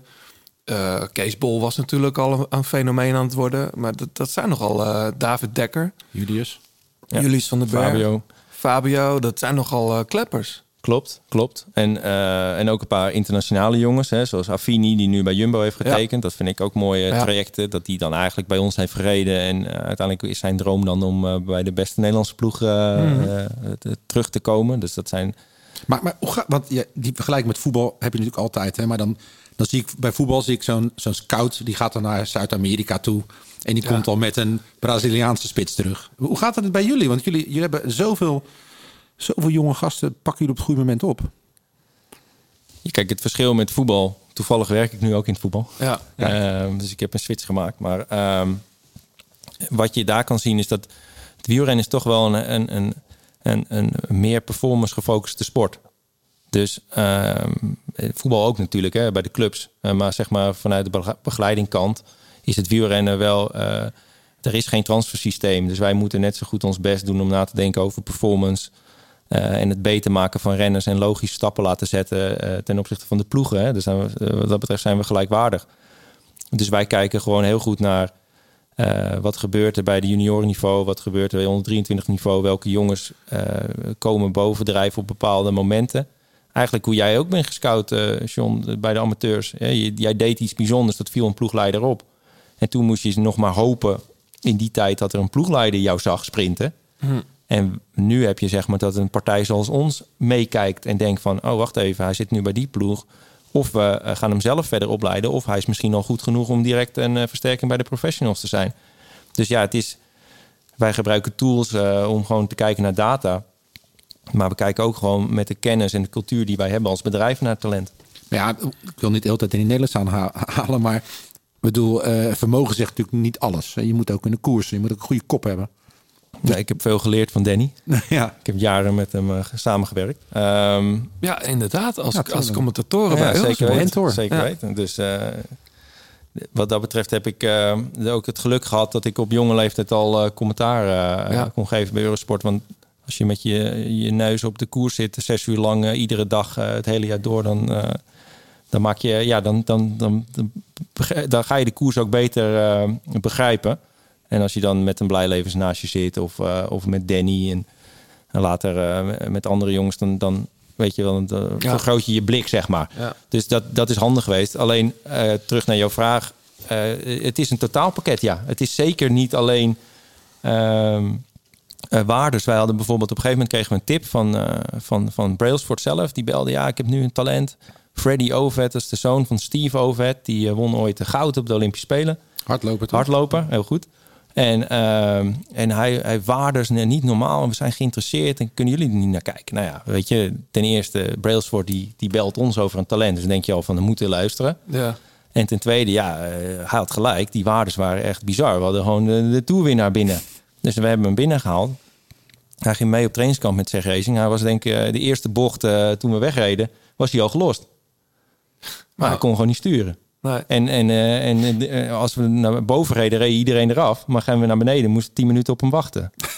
Is dat die Freddy Outfit? Ja, Freddy Over. Hij hangt Ja. nog steeds in het peloton. Prima jongen, leuke gozer, maar Reed vorig jaar nog bij Israel eh, Cycling Academy. klopt, ja, hij, is, eh, hij kan zichzelf goed verkopen, moet ik zeggen. Ja, hij rijdt nu bij een Amerikaanse ploeg, Nou, hier. zie ik, dit jaar. Dus, Dus, hij eh, heeft wel heel wat transfers achter zijn naam ja, staan. Maar inmiddels, inmiddels 27. Ja, precies. Maar die, die data die heeft hij nog steeds in een cv'tje staan. En die gaat denk ik af en toe naar een ploeg. En er is altijd een ploegleider die denkt van, dit is interessant. Maar, Ja. maar wij dus ook. En, en, en eh, om, toen kwamen we er wel achter eh, van, wij moeten, eh, wij moeten wel naar het totaal het plaatje kijken. Het is, het, wielrennen is een hele technische sport. Nou, Mathieu van der Poel is het voorbeeld daarvan. Wielrennen is ook een hele tactische sport. Ja. Eh, het is een teamsport. En als je dan ook nog het talent hebt om niet. heel hard te fietsen, dan Ja. kan je ver komen. Als je die dingen, die dingen combineert. Dus, Ja. eh, dus, dus klopt, het is niet alleen maar hard fietsen. Zeker niet. Nee. Het is misschien een beetje cherrypicking, hè? maar is, is er één jongen waar je echt heel erg trots op bent? Dat je die op gezien hebt en die heel ver geschopt heeft? Nou, ik ben eigenlijk wel trots op allemaal. Eh, Ja, dat is een beetje. nee, dat is ook een beetje een lullig antwoord, moet ik zeggen. Eh, Maar een jongen die, die nergens aan de bak kwam en die jullie opgepikt hebben en die, eh die het verder geschopt heeft dan menig men, mensen dacht. Ja, kijk, dat, ik denk dat dat ehm, bijvoorbeeld een, eh, een Affini, wat dan wel een, eh, een, een groot talent was in Italië. Dus het is, het is niet gek dat, ehm, dat iedereen eh daar achteraan zit bij de junioren. Maar op een gegeven moment valt zo'n jongen volledig stil en rijdt hij geen koers meer uit. En dan is het wel onze eer te na om dan, wij hadden dat al in een eerder stadium gezien, om hem wel binnen te hengelen. Ja. Een Nederlandse ploeg. Ja, maar hij is eerst nog naar, naar Australië gegaan, of niet? Wie? Affini? Ja, nu bij, eh, nadat hij bij ons is geweest, Ja. is hij naar Mitchelton gegaan Ja. en dan nu naar Jumbo. Maar ik bedoel, om, te, wij, om hem binnen te halen bij Seg Racing moesten we een soort cultuur doorbreken. Want Ah. je gaat als Italiaan ga je naar of Salf of je gaat naar Kolpak. Dat zijn de Italiaanse topopleidingsploegen. En er was nog nooit eentje naar een Nederlandse ploeg gegaan van dat niveau. Ehm, dus als je kijkt naar een project van waar je dan heel veel instopt om hem binnen te halen en om te, te overtuigen, kies nou maar voor ons. Niet weet, hij niet weten waar hij komt en dan pakt het heel goed uit. Ja, dat, dat vind ik mooie projecten. Maar die projecten hebben we ook gedaan met, met bestaande profs, weet je wel. Die misschien op een zijspoor zaten en, en ergens knecht waren. En dat je zegt van volgens mij zit er meer in, weet je. Laat ons nou eh, kijken of, of je misschien een stap kan maken. Want bij die ploeg eh, kom je beter tot je recht en kan je een grotere renner worden. Ja. Ja, dat zijn traject, daar, trajecten waar je trots op zijn. En ik moet eerlijk zeggen, niet om stoer te doen, maar we hebben best wel veel van dat soort trajecten gedaan. Dus het is moeilijk om er dan iemand uit te pikken. Want je Ja, bent eigenlijk op iedere ehm, stap ben je wel trots. En een, en een stap kan ook zijn een verlenging van een contract bij een profploeg. Dat kan namelijk een, een cruciaal goede verlenging zijn, waardoor iemand een betere renner wordt. Ja. Ja. Eh, dus dus het, het is best wel moeilijk om, om, om daar eh, iets van te vinden. En de andere kant dan? Eh, zijn er ook jongens of meiden waarvan je dacht... shit, die, hadden we, die hebben we gemist? Ja, zeker. Ja? Zeker. ja. Waren jullie ook al met Almeida bezig? Ja, ik denk dat de, de, als je kijkt naar de hele generatie die nu ook heel goed rijdt, hebben wij ook wel met iedereen gesproken. Ja. En hebben we ook geprobeerd even een pool nog een tussenstap te laten maken, weet je wel. Mhm. En eh, en sommige jongens die knallen natuurlijk in één keer door en, en dat, dat pakt goed uit. En bij sommigen zie je ook wel, daar hebben wij mee gesproken en dat wilden ze niet. En die wilden meteen prof worden. En die zijn eigenlijk nu gewoon een beetje eh, pelotonvulling geworden. Terwijl wij dan denken, had dan twee jaar bij ons gereden, bij Zeg Racing Academy. Was Ja. heel belangrijk geworden. Eh, hadden wij je leren winnen. En eh, een, een bepaalde rol eh, ehm, eh, laten invullen, waardoor je dan ook een hele andere prof wordt. Ja, begrijp het. Dat is misschien wel de grootste uitdaging. Dat als je bij ons komt, dat we heel goed kijken naar van oké, wat zit erin? Eh, wat voor renner kan je worden? En misschien is het ook wel slim om niet meteen nu prof te worden bij een Pro-Conti ploeg, maar wacht nog een jaar en ga dan over naar een World Tour team. En word dan in één keer een belangrijke renner. Dat is een beetje de nieuwe realiteit waar wij nu op, eh, op inzetten met Racing. Hey, je, had, je had het net over een, eh, een prof op een zijspoor. Hè? Ehm, je hebt vanaf het begin dat jullie eh, eh, de zaakwaarnemers werden, eh, een goede band gehad met Volters. Ja, Garmin heb je heel snel eh, Hans Dekkers, eh, Martijn Maaskant. Ehm, we hebben allemaal die documentaire gezien, denk ik, met Thomas Dekker. Dan ga je met Thomas aan de slag om hem daar binnen te krijgen. En dan loopt het voor geen meter. Is dat een frustrerende tijd geweest voor jullie? Nou ja, kijk, het, het project was. ehm, het project was natuurlijk heel moeilijk. Iedereen had zijn handen afgetrokken van, eh, van Thomas. En, en, en wij dachten van, wij zagen, ja, omdat, omdat we ook met, ik met hem heb gefietst. En kenden hem al heel lang. We wilden hem gewoon helpen op dat moment. Maar we hadden wel één doel. En het was toen was Fortis stond echt vooraan hè, met het clean team en antidoping. Hij was de man waar je moest zijn om, eh, om nog wat van je leven te maken eigenlijk. Als je geschorst zou zijn. En, en wij wilden het ook alleen maar voor Thomas doen. En toen hebben we wel gezegd, Thomas, jij, we hebben één doel bij die ploeg. Ik ga niet eens naar een andere ploeg kijken. Maar even voor de mensen die dat niet gevolgd hebben. Thomas is natuurlijk, eh, dat is een bekend verhaal. Die is natuurlijk eh, geschorst geweest vanwege EPO. Toen is die, dat is nadat hij bij Lotto heeft gereden. Het Ja. Belgische Klopt. Lotto toen. Klopt. Toen is hij er een jaar uit geweest, of Ja. langer nog. Ja, hij is toen eh, twee jaar geschorst natuurlijk. Precies, twee jaar geschorst. En toen wilde hij toch weer beginnen. wilde hij Ja. terugkeren en hij wist alleen niet hoe. En toen hebben Ja. wij dat proces eh, eh, mede begeleid. En echt voor gevochten. Echt voor gevochten. En ik ben ook, het is ook een heel leerzaam project geweest. Hè. We hebben, je, moet, je moet iemand die helemaal is afgeschreven door, door de media, door de publieke opinie. moet je proberen weer een rol te geven, een positie terug in dat wielrennen. Het is ook de laatste renner geweest die geschorst is geweest, die nog is teruggekomen op, een- op, een- op World Tour niveau. Eh, dan ook gekozen voor een hele moe- moeilijk traject met een ploeg. Een ploeg die hem helemaal niet wilde hebben. Dus dan moet je iets helemaal omdraaien. Eh, een soort perceptie omdraaien binnen dat team. Nou, dat ja, maar, is- maar, maar dat niet alleen. Maar je gaat op een gegeven moment naar inspanningstest toe bij Adrie van Diemen. En dan trapt hij gewoon een deuk in een pakje boter. En dan zie je bij jullie ook een beetje de frustratie als je in de auto zit van ja, waar doen we dat eigenlijk voor? Kijk, de wielrenner Thomas Dekker die is tijdens die eh, schorsing eh, volledig verdwenen. Ja. En eh, kijk, als ik dat had geweten toen, zeg maar dat hij niet meer die drive had, wat misschien eh, logisch is, uh, gevolg van wat hij heeft meegemaakt, maar niet meer die drive om te vechten, dan had ik misschien ook al die, samen met Elke, die effort niet kunnen maken om hem daar weer te krijgen. Hè, we hebben twee boeken gemaakt, er is een documentaire verschenen, eh, de mediabeleid. We hebben, het was een hele leerzame periode, ook voor ons. Ehm, met de hoop dat hij weer zou gaan vlammen. En dat is natuurlijk niet gebeurd. Ik heb hem, eh, ik heb hem denk ik eh, nog één keer echt zien vlammen. Dat was een half uur tijdens het eh, uurrecord. Ja. Het eerste half uur. En, maar ik neem hem ook niks kwalijk daarin. Ik bedoel, hij, hij is uiteindelijk de wielrenner. Ik zit niet op die fiets. En wij konden alleen maar ons best doen om het zo goed mogelijk te proberen. Mhm, Ja. En, en ik weet ook dat het ontzettend lastig is geweest om dat voor elkaar te krijgen vanuit zijn kant. Alleen hij had die drive niet meer als renner. Nee. Maar, maar dan, omdat het een vriend van jullie is, het, tast dat je reputatie dan ook aan? Dat je op dat moment bij Fortis, die vertrouwt jullie. Hè, die, je, hebt, je hebt een goede, goed imago. En dan kom je met een maatje aan, tussen aanhalingstekens. Die dan eigenlijk de drive niet meer heeft. Tast dat je credibility? Zakelijk gezien was het natuurlijk eh, inderdaad eh, helemaal geen slim project. Eh, ik bedoel, wij maakten het onszelf ontzettend moeilijk in de wielrennerij. Ik bedoel, iedereen keek ons met de nek aan, zeg maar, van hoezo gaan jullie dat doen?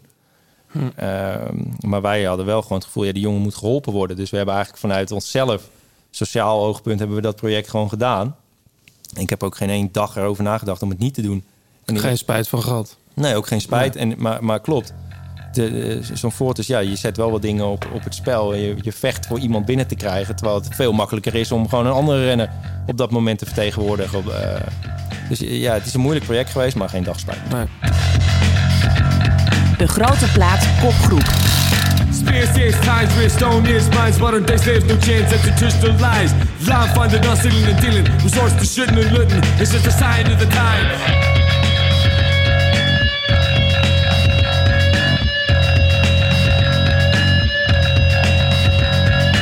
Need to the natural moves you serve and protect in the eyes of the law. You're all a suspect. Don't want you to reflect on the image they project. Cause when you subject, they still demand respect. Enola Gay. The Birth of a Nation, zo heet het. Ja, ik moest aan die film Birth of a Nation van denken. Ja. Griffin. Een ontzettend s- racistische white film. supremacy Ja. film. Eh, maar daar heeft, daar, waar heeft, daar heeft het iets mee te maken of niet? Of, Nee, volgens mij niet. Ik hoop het niet, maar Nee, dit zijn, eh de band heet Enola Gay. ja. Uit Ierland. Eh, een beetje in de slipstream van uh, Fontes DC. Die jij nog op het lijstje had staan met die Soulwax remix. Die Ja, al heel we hebben geen tijd meer. Maar die, Nee. die kunnen we eventueel nog wel even in de lijst zetten. Soul, die Soulwax remix van Fountains DC. Ja, Ja, dus eh, ja, een beetje girlband meets idols, eh, zoals eh, de website van Eurosonic het eh, omschreef. Ehm inderdaad ook weer een bandje die op Eurosonic heeft gestaan. En ja, ik vind het nummer puur voor de groove, vind ik het echt te gek. Ja, het is lekker. Een hele goede groove. ja. Er is ook pas één single uit, dus eh, Mooi.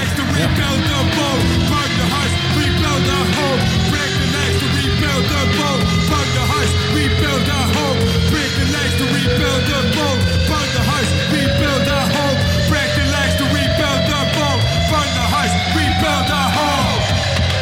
Je luistert nog steeds naar de grote plaats. Alle liedjes in deze en vorige afleveringen luister je in zijn geheel terug in de playlist De Grote Plaat Songs op Spotify. Hey, even iets anders, hè, John. Ik ga binnenkort aan de gravelbike. ja. Er wordt een hele mooie hipster. gravelaar. Ja, ik, ik moet er ook aan geloven. Het wordt een hele mooie gebouwd door Koppel Bike Shop.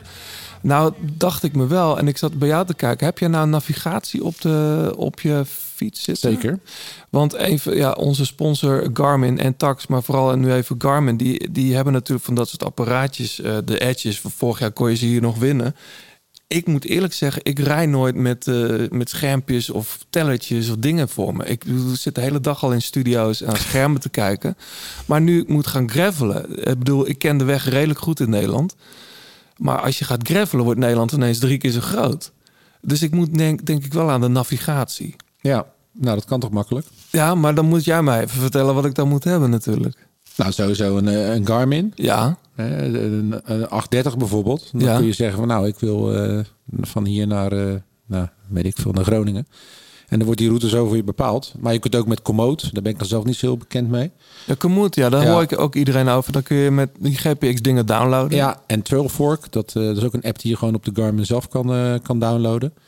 Dan kun je, heb je eh, ja, gewoon een routeplanner ook door het bos. En eh, ik heb een 530 zelf. En daar zit ook een functie op. Dat eh, ja, kun je zelf zien hoe, hoe, hoe lang je in de lucht hangt bij een sprong. Dus dat is bij ons niet zo lang, dat denk hebben ik. we Maar- vorig jaar ook een paar keer gedaan. Nee, bij ons is dat niet. En of je flow goed is. Dus, dat, Maar dat, is meer voor mountain. Maar ik wil echt Ja. gewoon weten van... Ik las dat die duizend... Ik weet niet of dat de 1030 is of de 830 ook. Dat, kijk, jij gaat ook nu... Je bent met de Harmeling naar Hellendoorn geweest. Ik begrijp dat je bij het Rijk van Nijmegen ook heel mooi kan fietsen. Ik fiets zelf vaak rond de Treek eh, en uh, Austerlitz achter Utrecht bij Zeist. Uh, maar dat je ook uh, de locals, dat de data van de locals, dat die ook in je Garmin zitten, zodat je popularity routes kan doen, die je, waar je normaal nooit op was gekomen. Ja, klopt. Ja, ja, jij gebruikt het ook, Martijn? Ja, klopt. Wat doe je? Fiets je eigenlijk nog? Ik fiets te weinig. Ik probeer zoveel mogelijk te fietsen, maar... Uh, maar ook mountainbike of gravelen? Ik heb nu ook een gravelbike, maar ik heb wel zo'n Cannondale, uh, wat is het, Slate Force volgens mij met de geveerde voorvork. Dus een gravelbike met ah, geveerde ja. voorvork. Maar ook navigatie erop. Ja, zeker. Ja. En dan, maar ik, Komoot is volgens mij wel het beste als je wat, uh, Voor de gravel. Ja, voor de gravel. De- eh, daar zijn al heel veel ritten aangemaakt. Je kan ook zelf maken in Garmin. Hè, moet je die desktop-functie eh, Ja. gebruiken. Maar Ja. ik ben ook wel, eh, ik ben wel makkelijk daarin. En ik kijk gewoon op mijn Garmin welke routes erin staan. Dus als je bij een bos in de buurt komt, en, eh, dan kan je gewoon routes zoeken. En dan Ja. zie je al een paar rondjes van bijvoorbeeld 30 kilometer in het bos komen of 20. En dan pak je die gewoon. Ja, super handig. En Forkside hoor ik ook iedereen over. Dat is een belangrijk ding, vooral voor de downhillers. Nou is er niet heel veel te downhillen bij ons in Nederland. Maar dat je ruim van tevoren ziet dat er een splitsing aankomt. Ja. En dat je gewoon volle bak er doorheen kan eigenlijk. Dat is het idee. Ik begreep ook, en dat is ook wel handig... als je met een groep vrienden bent fietsen... en je bent die dag echt heel brak. En je denkt, fuck it. Terug naar start. Die knop zit erop. Ja. En dan pakt hij in plaats van je- dat je weer helemaal zeg maar de 30 kilometer moet terug, kan je gewoon de, de kortste route naar huis nemen. Ja, maar dat is een no-go, toch? Voor mij ook. Ja. Maar het is toch handig om te weten. Als je je slecht voelt, moet je demereren, toch? Ja, dat is zo. There was an earthquake on the 4th of July.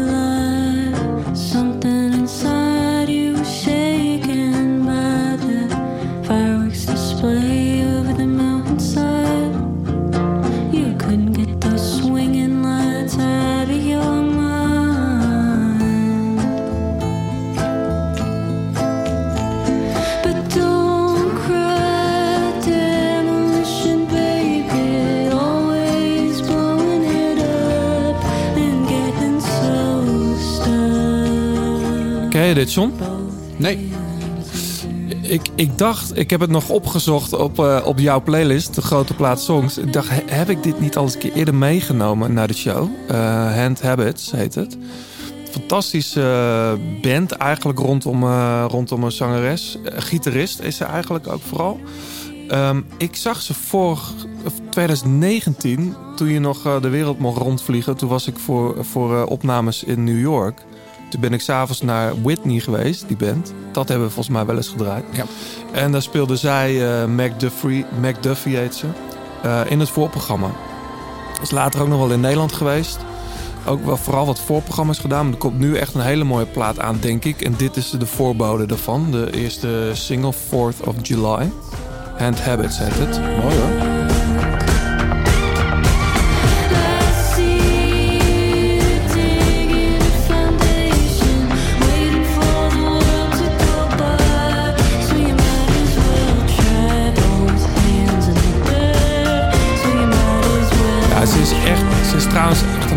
Goede gitarist. Echt insane goed. Dat zou je niet zeggen als je dit hoort. Ze speelt dit vooral echt in dienst van de songs. Ze heeft ook eh, een tijdje met Kevin Morby getoerd. Zoals de live gitarist bij Kevin Morby. Maar het is dus te vinden onder Hand Habits. Dus, eh,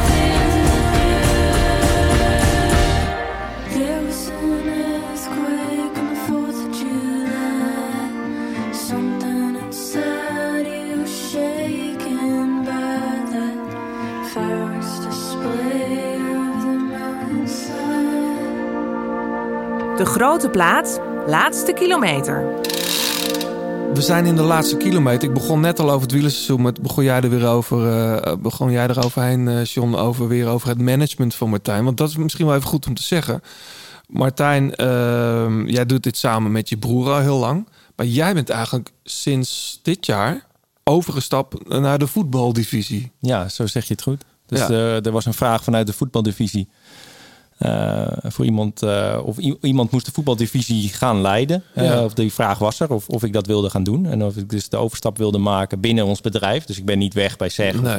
Dus daarom voelt het ook niet als, als weggaan, maar meer als een zijstap naar een andere sport, crosssport. Ja. Ehm, en dus of ik een voetbaltak wilde gaan leiden binnen, binnen Sports Entertainment Group. En dat heb ik gedaan.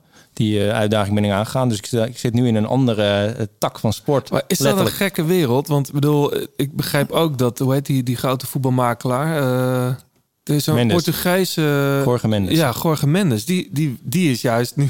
eh, die maakt de. Die gaat richting het wielrennen. Die doet wat Almeida, geloof ik. Ja, is, eh, hij heeft volgens mij een, een, een marketingbedrijf en die gaat wat spons sponsoring eh, zoeken voor Almeida. Dus het is niet dat hij echt het management gaat doen. het is meer zaak het is meer, ja, het, het persbericht was een klein beetje misleidend, maar Ah, oké. Hey, we zijn, zoals ik al zei, eh, we zijn in de laatste kilometer beland. We, we blikken dan nog heel even vooruit. Want normaal noemen we dan een hoop namen. Van de jongens en de meiden die we kunnen gaan verwachten in die eerste koersen. Nou, misschien is wel een leuk idee dat Martijn zit natuurlijk zo dicht op het wielrennen nog Ja. steeds. Eh, heb jij niet wat dark op van de meeste mensen die Scorito spelen en zo? Wat, wat zijn nou de, jongens die niet zoveel kosten? Laten we, nou, laten we dan eerst heel even een paar namen aflopen. Oké. De oude garde. Iets te snel? Ja, iets te snel ga je. Eh, en dan komen we zo terug op de Dark Horses. Ehm, je zou kunnen zeggen, en dat verwacht ik een beetje... als ik nu mijn Scorito zou moeten invullen... eh, het wordt Van Aert versus Van der Poel versus Alaphilippe. En dan hebben we het hele voorjaar gehad.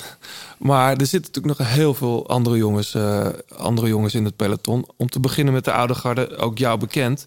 Nicky Terpstra. Ehm, Ja, Nicky is eindelijk... eh, kijk, dit is een blessurevrij, laten we het zo zeggen. Ja. Die, die is overgestapt van de Quickstep naar Total. En die heeft alleen maar op de grond gelegen. Echt, hè? En dat is zo, eh, eh, weet je, en dan is het natuurlijk makkelijk om te zeggen, ah, eh, slechte overstap. En je ziet het buiten Quickstep kan hij het niet, et cetera. Maar het is gewoon absolute onzin. Hij, het heeft alleen maar tegengezeten. Ja. En nu heeft hij gewoon een paar maanden. Toch eh, een paar ganzen aangereden of andersom? Wat was het? ja, ja, hij viel natuurlijk keihard. Hij Ja, gewoon, eh, daily training. Hij werd in coma gehouden. Hè? Dus het is Het is echt bizar vreselijk. gewoon. Ja, het is vreselijk. En komt daar maar eens van terug. Dus hij heeft zichzelf door de Vuelta gevochten. Nou, ik denk dat het heel goed voor Nicky is dat het zo laat in het seizoen plaatsvond. Mhm. Korte winter. Nou, hij kan als geen ander trainen. Eh, als we het over passie hebben voor fietsen, Ja, is dat Nicky. Ja. Ik denk dat die, eh, die gaat nog wel een keer terugslaan. En dat eh, gaat dit voorjaar gebeuren. Mooi. Een andere naam, ik noem hem toch, en het is heel toevallig, maar het zijn wel allemaal namen, of tenminste veel namen waar jij mee werkt of mee gewerkt hebt. Sepp van Marken. Dat is de jongen waarvan we allemaal hoopten, en ook in Vlaanderen, die gaat toch nog wel een keer Vlaanderen winnen, of misschien dan Roubaix. Eh, was het niet 2019 dat hij weer op de weg terug was en een hele goede Vlaanderen reed, maar eigenlijk in dienst van, was het natuurlijk van? Bettiol. Ja, toen was hij goed. Won op het einde van het jaar toen ook nog eh Plouet. Ja, inderdaad. Wat een grote, grote overwinning is. Wordt Ja. een beetje overheen gekeken bij de Belg. Maar ik denk dat... eh, ja, hij heeft een, een, een- een transfer gemaakt naar Israël. Ik denk dat dat eh, heel goed gaat uitpakken. Eh, Ja. nieuwe omgeving. Ehm, hij is de eh, absolute nummer één. Hoeft niet na te denken over wat er om hem heen gebeurt. Ehm, het, het doet hem ook heel goed. Hij is heel, zit goed in zijn vel. Dus als het nog een keer moet gebeuren... dan is het gewoon de komende twee, drie jaar voor, eh voor Sepp. En ik zou het hem zo gunnen. eigenlijk? Hoe oud is hij eigenlijk nu? Sepp. 32 volgens mij. Oh, dat, dat is nog jonger dan ik dacht. Ja, hij is, de, de, de- daarom weet je. En, en er wordt, wordt, hij wordt ook al. Dat is, dat is wel eens het probleem in België. Word je snel aan de zijkant eh, gezet. Ja. Ehm, maar nu is de bondscoach die hem eh, thuis liet voor het WK, is nu zijn ploegleider, Rick Verbrugge. Ja, inderdaad. En die staat nu aan zijn kant. En eh, laten we hopen dat, dat dat goed gaat uitpakken. Ja, top 20 in eh Gent-Wevelgem en Ronde van Vlaanderen afgelopen jaar in dat rare, in dat rare seizoen. Dus dat, dat, dat was niet goed. En, en, maar hij zat er wel. Dus het heeft ook te maken dat hij niet goed... eh, eh, hij sprintte niet. En dan word je twintigste. Terwijl je eigenlijk als je wel sprint, word je vijfde. En dan Precies. hebben we hier al een ander... eh, eh, andere Maar Misschien ook iets te vroeg in zijn carrière de, de omloop gewonnen. Daarna is toch altijd die druk gekomen van Vlaanderen. En, Ja, maar die druk legt hij vooral zichzelf op. En dat is aan enerzijds zijn kracht. Want hij laat, hij laat niets liggen in het fietsen qua trainen. Het is zo'n op- en top prof. Het is een fantastisch atleet. Alleen die druk... eh, die, dat, hij heeft het gevoel van ik moet vechten tegen de Van Avermaat. Maar hij moet helemaal niet. Hij moet gewoon, hij moet gewoon koersen. Hij moet gewoon eh, doen waar, waar hij goed in is. En dan komt hij er wel weer. En daarom is deze stap ook wel even verfrissend. Soms heb je gewoon ook zo'n stap nodig om weer eh, uitgedaagd te worden door je omgeving. En dan de aanwezigheid van Froome is ook wel inspirerend hè, in de ploeg. Ja. Dus dat, is, dat kan wel eens goed uitpakken. Ja.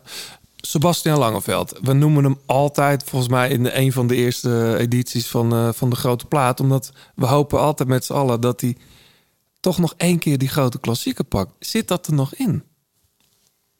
Dat zal dan in een tactisch spel, eh, vanuit een tactische eh, move moeten zijn. Kijk, ook, ook Sebas is natuurlijk op een leeftijd dat hij al- als de, de jonge gasten aangaan op de Paterberg of de Kwaremond, gaat hij niet in het wiel zitten. Hij komt wat later op gang. Maar het is wel die diesel, als hij eenmaal op gang komt boven 200 kilometer, dan is alles weer mogelijk. En als dan een tactisch spel op gang komt, Ja. dan, eh, dan, dan, dan is het voor Sebas ook nog altijd de mogelijkheid, zeker. Ja, derde in Parijs-Roubaix is denk ik het hoogste eh, wat hij heeft in, in een monument. Hij heeft wel het gevoel dat, die, eh, dat bijvoorbeeld zo'n klassieker als Roubaix, weet je wel, die is natuurlijk niet geweest. Nee. Ehm, ja, daar zou het nog altijd kunnen.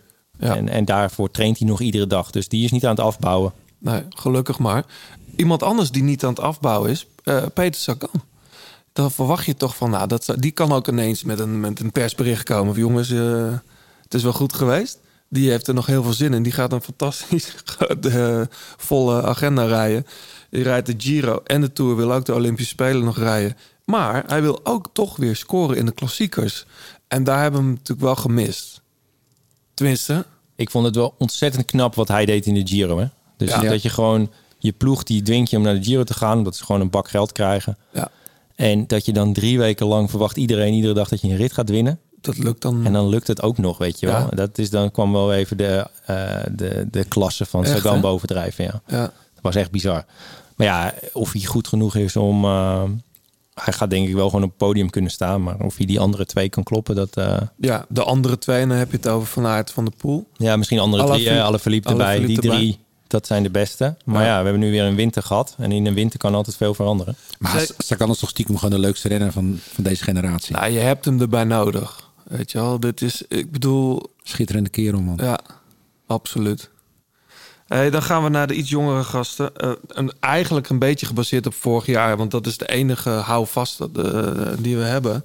2020 was Jasper Stuyven natuurlijk fantastisch in de omloop. Eh, Casper Asgreen won Kuurne. Krol Andersen was goed. Hofstetter verraste. Ehm, dat zijn een beetje de namen die je zou verwachten ook weer dit voor, denk ik. Missen we dan nog iets? Ik vroeg me af, wat kan Mike Teunissen eigenlijk dit voorjaar? Ja, Mike Tuiners heeft natuurlijk die, die, eh, nog niet de kans gekregen. om dat, eh, wat hij in de Tour heeft gepresteerd. om te zetten in een eh, vervolgstap. Maar, En we zijn nu een seizoen verder. Dus ja, dat wordt ook een mentaal spel voor hem. Hij heeft ook trouwens- pech, pech gehad natuurlijk. Dus Ja. ja, gaat, hij, gaat hij weer terugkomen op dat niveau? Of, of zijn anderen hem nu al... hebben die hem ingehaald? Dat is, dat is de vraag. Maar het is wel een goede renner natuurlijk. ja, maar je zou toch verwachten dat hij in het klassieke werk gewoon toch... Ja, dat was ooit het idee, dacht ik, achter hem, toch? Alleen hij heeft nu een, iemand boven zich staan... en die gaat echt niets weggeven. Nee. Dus Nee. dan, eh, maar ook hij kan ook denken van ja, ik heb eh, misschien eh, de, mijn ploeggenoot is de beste klassieke renner ter wereld op dit moment. Daar kan ik van profiteren. Dat kan nog altijd. Hij is rap. Dus je hoeft maar een keer met vijf man naar de streep te gaan en je kan gewoon een klassieke winnen. Nou, hij Ja. kan alles gewoon een beetje. Hè? Het is, hij is niet ergens, echt een uitblinker in, maar hij gaat aardig bergop. Hij is vrij rap. Ja. Goeie Hij is eh, Dus, eh, toegevoegd aan de een voorlopige tourselectie ook van Jumbo-Visma. Omdat uh, Dumoulin niet opstapt, waarschijnlijk. Ehm, eh, nog een jongen die ik wil noemen. Waar we hebben het vorig jaar ook al over gehad toen hij eh, in eh, Le Samin. Ik heb het even opgezocht, jongen. Het is toch echt Le Samin. Het is vernoemd naar een, een renner die de allereerste editie van die koers won. Want ik kon het niet hebben dat er steeds zaten Le Samin, Le Samin. Iedereen gebruikt het uit. Weet dat Velle Frank. Ja, precies. Precies. En die eerste editie daarvan werd gewonnen door José Samin. Helder, toch? Waarvan akte? Waarvan akte. vorig jaar, nee, was het vorig jaar? Ja, het was vorig jaar dat daar ene David Dekker eh heel Derde werd. derde werd, geloof Ja, ik, met klopt. kramp in zijn poten. Eh, die, die kwam, die reed toen nog voor zeg. Ja. En, Nee, ehm, dat, ja. dat was wel, dat, dat was wel een, een openbaring ook. Kijk, wij, wij waren altijd een beetje voorzichtig om aan die profkoersen mee te doen met de Academy. Dachten van ja, we moeten gewoon focussen op onder 23 niveau. En de etappekoers in Frankrijk dachten van ah, Ike Visbeek die kwam natuurlijk bij Sunweb vandaan. En die zei nee jongens, we gaan ook gewoon profkoersen rijden. Want dat is juist, we moeten dat doen. En, en, want eerst deden we dat, dat in het najaar met Rick van Steenberg. Weet je, een beetje die koersen. Ja. In het najaar is peloton wat, eh, gaat wat minder eh, snel. Dus dan dachten we, oké, daar hebben we meer te zoeken. En hij zei, nee, we gaan gewoon voorjaar. Als ook de Terpstra's van deze wereld de vol voor gaan, gaan wij ook gewoon de vol voor. En dan heeft hij gewoon gelijk in gehad. Want eh, David was misschien gewoon de beste renner in koers. Hij had misschien gewoon wel moeten winnen. Echt, hè? ja. Eh, en als je kijkt naar zijn techniek en hoe hij tactisch reed, ja, fantastisch. Slimme vent. ja. Slimme renner, ja. Maar die is wel op tijd overgestapt, denk ik. Ja, klopt. Wat bedoel je daarmee? Nou ja, die had, die had net zo'n jaar als die andere belofte weer gaan maken dit jaar. Ja, op zo'n manier. Ja, maar sowieso timing is heel belangrijk in onze eh, job. Want eh, hij kwam ook na de lockdown niet, nooit meer op het niveau als voor de lockdown. Door valpartijen, gewoon eh, eh, training die niet aanslaat. Eh, dan, als we hadden gewacht met een contract tekenen, waren er misschien renners van een ander eh, weer voor hem gekomen. Dus je moet ook toeslaan op het juiste moment. En toen had hij gewoon vier, vijf, zes ploegen waar hij uit kon kiezen. Nou, dan moet je dat ook doen. Ja, denk, denk jij er ook over na? Vast wel, denk je erover na. Ehm, David Dekker komt dan bij een van de beste ploegen ter wereld, Jumbo-Visma. Eh, hij krijgt natuurlijk niet meer de kans. Ja, misschien in Le Samin nog wel, als ze daar überhaupt starten. Maar eh, om, om voor zijn eigen plekje te, te rijden. Met Wout van Aert, met Mark Teunissen. Ja, maar aan de andere kant, hij traint nu ook met Wout van Aert en Mike Teunissen. Hij Mhm. wordt gewoon beter op training. Hij wordt beter. Hij, hij start die dag eh, eh, van die klassieker. Maar wij moeten hier als ploeg winnen. Dus hij moet van voren rijden. Daar word je gewoon een betere renner van. Ja, precies. En als je dan bij Quebec Assos gaat rijden, dan ben je blij dat je aan de streep komt. En hopelijk eh, rij je bij de eerste 50. Bij wij- wij- Een beetje Ja. gechargeerd. Maar dat is wel een andere instelling. Dus het Ja. kan als talent gewoon veel sneller gaan als je in de top begint. Ja. En het is, het is een moeilijke weg. Maar aan de andere kant, als je eenmaal eh, het niveau aantoont, dan gaan ze je ook meteen de kans geven. Ja, Martijn weet ook wel dat de tijd dat eh belofte, of de Neo's, eh bedonnen moesten halen regiassies, dat het wel echt voorbij is. Weet je? Die- je ziet dat de jongens van 2021, als ze gewoon goed zijn, dan staan ze er gewoon. Ik bedoel, eh, een jongen van 20 wint de Tour. Investeren in talent loont als ploeg. Ja. Eh, dat is gewoon een hele slimme investering. Het, eh, je hoeft niet meteen de hoofdprijs te betalen, maar ze kunnen wel meteen presteren zoals die duurbetaalde renner. Dus ja, dat moet je gewoon doen. Dat moet je, en en dat, dat zien een aantal ploegen heel goed. Eh, die Dark Horses waar jij het over had, John. Eh, jij wil voor je Scorito-poeltje natuurlijk voor Martijn nee, nu een horen. beetje voor de leek meer die, die luistert. Ja, ik vind, het, ik vind het zelf best wel. Het is echt heel ingewikkeld. Ik denk wel echt dat het tussen die drie gaat- zal gaan. De, de, alleen die starten natuurlijk pas in april echt. Weet je wel, we hebben het nu eerst eigenlijk over dat eerste blok, de omloop, Kuurne, eigenlijk tot en met Strade Bianca. Ja, maar er gaan altijd verrassingen tussen zitten. Ja, We hadden Askreen vorig jaar ook niet verwacht dat hij zo goed zou zijn. nee, nee. Ik denk dat eh, ook een gast die jullie al eerder in de podcast hebben gehad, Kees Bol, Eh, zeker in staat geacht moet worden om, eh, om eh, voor de prijzen mee te doen. Kees, Ja, ja. zeker. En, en, en in zijn sporen Niels Eekhoff. Maar daar heb je het over Wevelgem bijvoorbeeld. Dat soort wedstrijden. Ja, maar en ik, heb niet, ik zeg niet dat Kees Bol Vlaanderen gaat winnen. Maar ik zou me ook niet verbazen als hij in de finale er nog bij zit. Ja? Nee, ik zou me niet verbazen. Dat, zou, dat, dat, dat, dat zit zeker in hem. En, en zelfs een Niels Eekhoff, als je die vorig jaar tekeer zag, zag gaan op het einde van het seizoen. Ja, man. Die brak gewoon het peloton in stukken. Ja. En dat was gewoon... Weet Die je, ene koers waar die tweede werd, welke was het ook alweer? Dat hij met die Belg voorop zat? eh, Pittige klimmetje op ja, het in eh, wat was het, Hageland? Ja, ja. Maar vooral een week later in Plouet. Ja. Ja, toen reed hij op kop. En eh, uiteindelijk Matthews die het natuurlijk afmaakt. Ik dacht dat hij hem zelf ook had kunnen winnen toen. 100% Ja. En als je, als je die beelden terugziet, en dan zie je dus de toppers, eh, wereldtoppers op de kant daar achter hangen om terug te komen. Die zitten gewoon echt jankend op de fiets. Ja. Dus als je dat kan met een winter ertussen waarin hij weer beter is geworden omdat hij zo jong is. Ja, dat is wel nog zou goed. een dark horse kunnen worden. Zeker. Want hij reed toen met Seneschal toch eh, achter. Of hij liet het gat toen vallen op een gegeven moment voor Matthews. Toen, Ja, hij deed alles goed. hij deed echt alles goed, ja. En Martijn, jij zei net al even in een bijzin, jij fietst ook nog. Hey, wij mogen onze gasten altijd eh, een, eh, een bike dog eh, cadeau doen van Artivelo. Ik weet niet of je ermee bekend bent. Artivelo maakt prachtige fietsophangsystemen, om met een goed Nederlands woord te zeggen. Artivelo.com Slash Nederlands. slash Nederlands, dan kun je zien wat er allemaal eh, te krijgen is en te koop is. Eh, volgens mij is het ook allemaal op voorraad, toch? Zeker. Hey, en nog een laatste ding, Martijn. Nogmaals bedankt dat je hier was, dat je hier bent. Ja, leuk om hier te zijn. Ehm, Fabio Jacobsen, wanneer denk je dat hij weer op de fiets zit? Ik hoop zo snel mogelijk. Aan de andere kant, hij moet zich niet haasten. Nee. Fabio is wel een hele intelligente eh, jongen natuurlijk. Hele Ja. intelligente renner. Stond hij mooi op de foto laatst hè, met Cavendish. Ja, klopt. En de, hij- hij is ook echt zo'n renner die, of, of persoon die daar ook moraal van krijgt. Hè? Van Cavendish om zich heen. Ja. En eh, het is ook iemand die wil leren. Hij gaat ook constant denk ik dingen vragen aan, eh aan Cavendish en, en aan de andere toppers in de ploeg. Maar die is toch puur voor de lead-out en voor de ervaring gehaald daar, neem ik aan. Of Ke- gaan ze Cavendish is gaat winnen nog? Nee, toch? Nee, maar Cavendish die is gehaald omdat ze dat, ja, het is ook een beetje, een, ik, ik denk dat het een klein ego-spelletje was. Van kijk, ik durf het wel aan. Ja. Eh, en ik vind het wel mooi voor de carrière van Mark Cavendish. Ja. Want het was echt, eh, echt triest hoe dat afliep daar bij eh, Bahrein. Zeker. En Rod Ellingwood, die daar de leiding had, die dan ook via de achterdeur verdween naar, naar Ineos. En Mark achterliet, weet je, zijn grote vriend. Dus het is wel een, een, een mooi einde van een, eh, van een fantastische renner. En misschien wint hij er wel nog vijf. Ja, dan Maar je denk je dat, dat Fabio, eh, die kan toch zeker ook nog iets van hem leren van Cavendish? Ja, ik? nee, vooral in gesprekken. Oh, ja. en, en Fabio is ook iemand die kijkt, die kijkt naar hoe mensen zich gedragen. Eh, dus als Mark Cavendish een bepaalde manier eh, zich eh, manifesteert op zijn trainingskamp, dan kijkt hij en dan leert hij daarvan. Eh, hij, hij, is- hij, het is echt iemand die gewoon in iedere fase van zijn carrière mensen eh, zeg maar, daarvan wil leren en dat ook eh, zoekt. Eh, en als hij dan genoeg heeft, eh, in zich heeft opgenomen, dan gaat hij door. Ja. Om uiteindelijk naar die top te gaan. Hij heeft nu een afslag genomen. Eh, niet door zijn toedoen, maar hij gaat echt wel heel sterk terugkomen, 100%. Ja. Maar wanneer, dat is moeilijk te zeggen. Ja, ik, ik, geen Nee, dat heb, heb, Nee. nee. Maar hij zou toch dit jaar wel een wedstrijdje gaan rijden, denk ik al. Is dat moeilijk te Ik ga er wel vanuit, ja. Ja. Ja. Ik hoop vooral dat zijn kop goed zit. Precies. Daarom, weet je, hij is, hij is in de lead. eh, en eh, degene die beslist. En als hij dan eh, ook weer eh, zijn comeback maakt, dan gaat hij daar ook 100% Ja. voor. Ja, mooi, mooi einde. Eh, wie gaan we allemaal bedanken, John? Eh, Fleur Wallenburg, uiteraard, voor haar prachtige stem. Die ook al drie jaar eh, klinkt aan het begin van onze podcast. ja.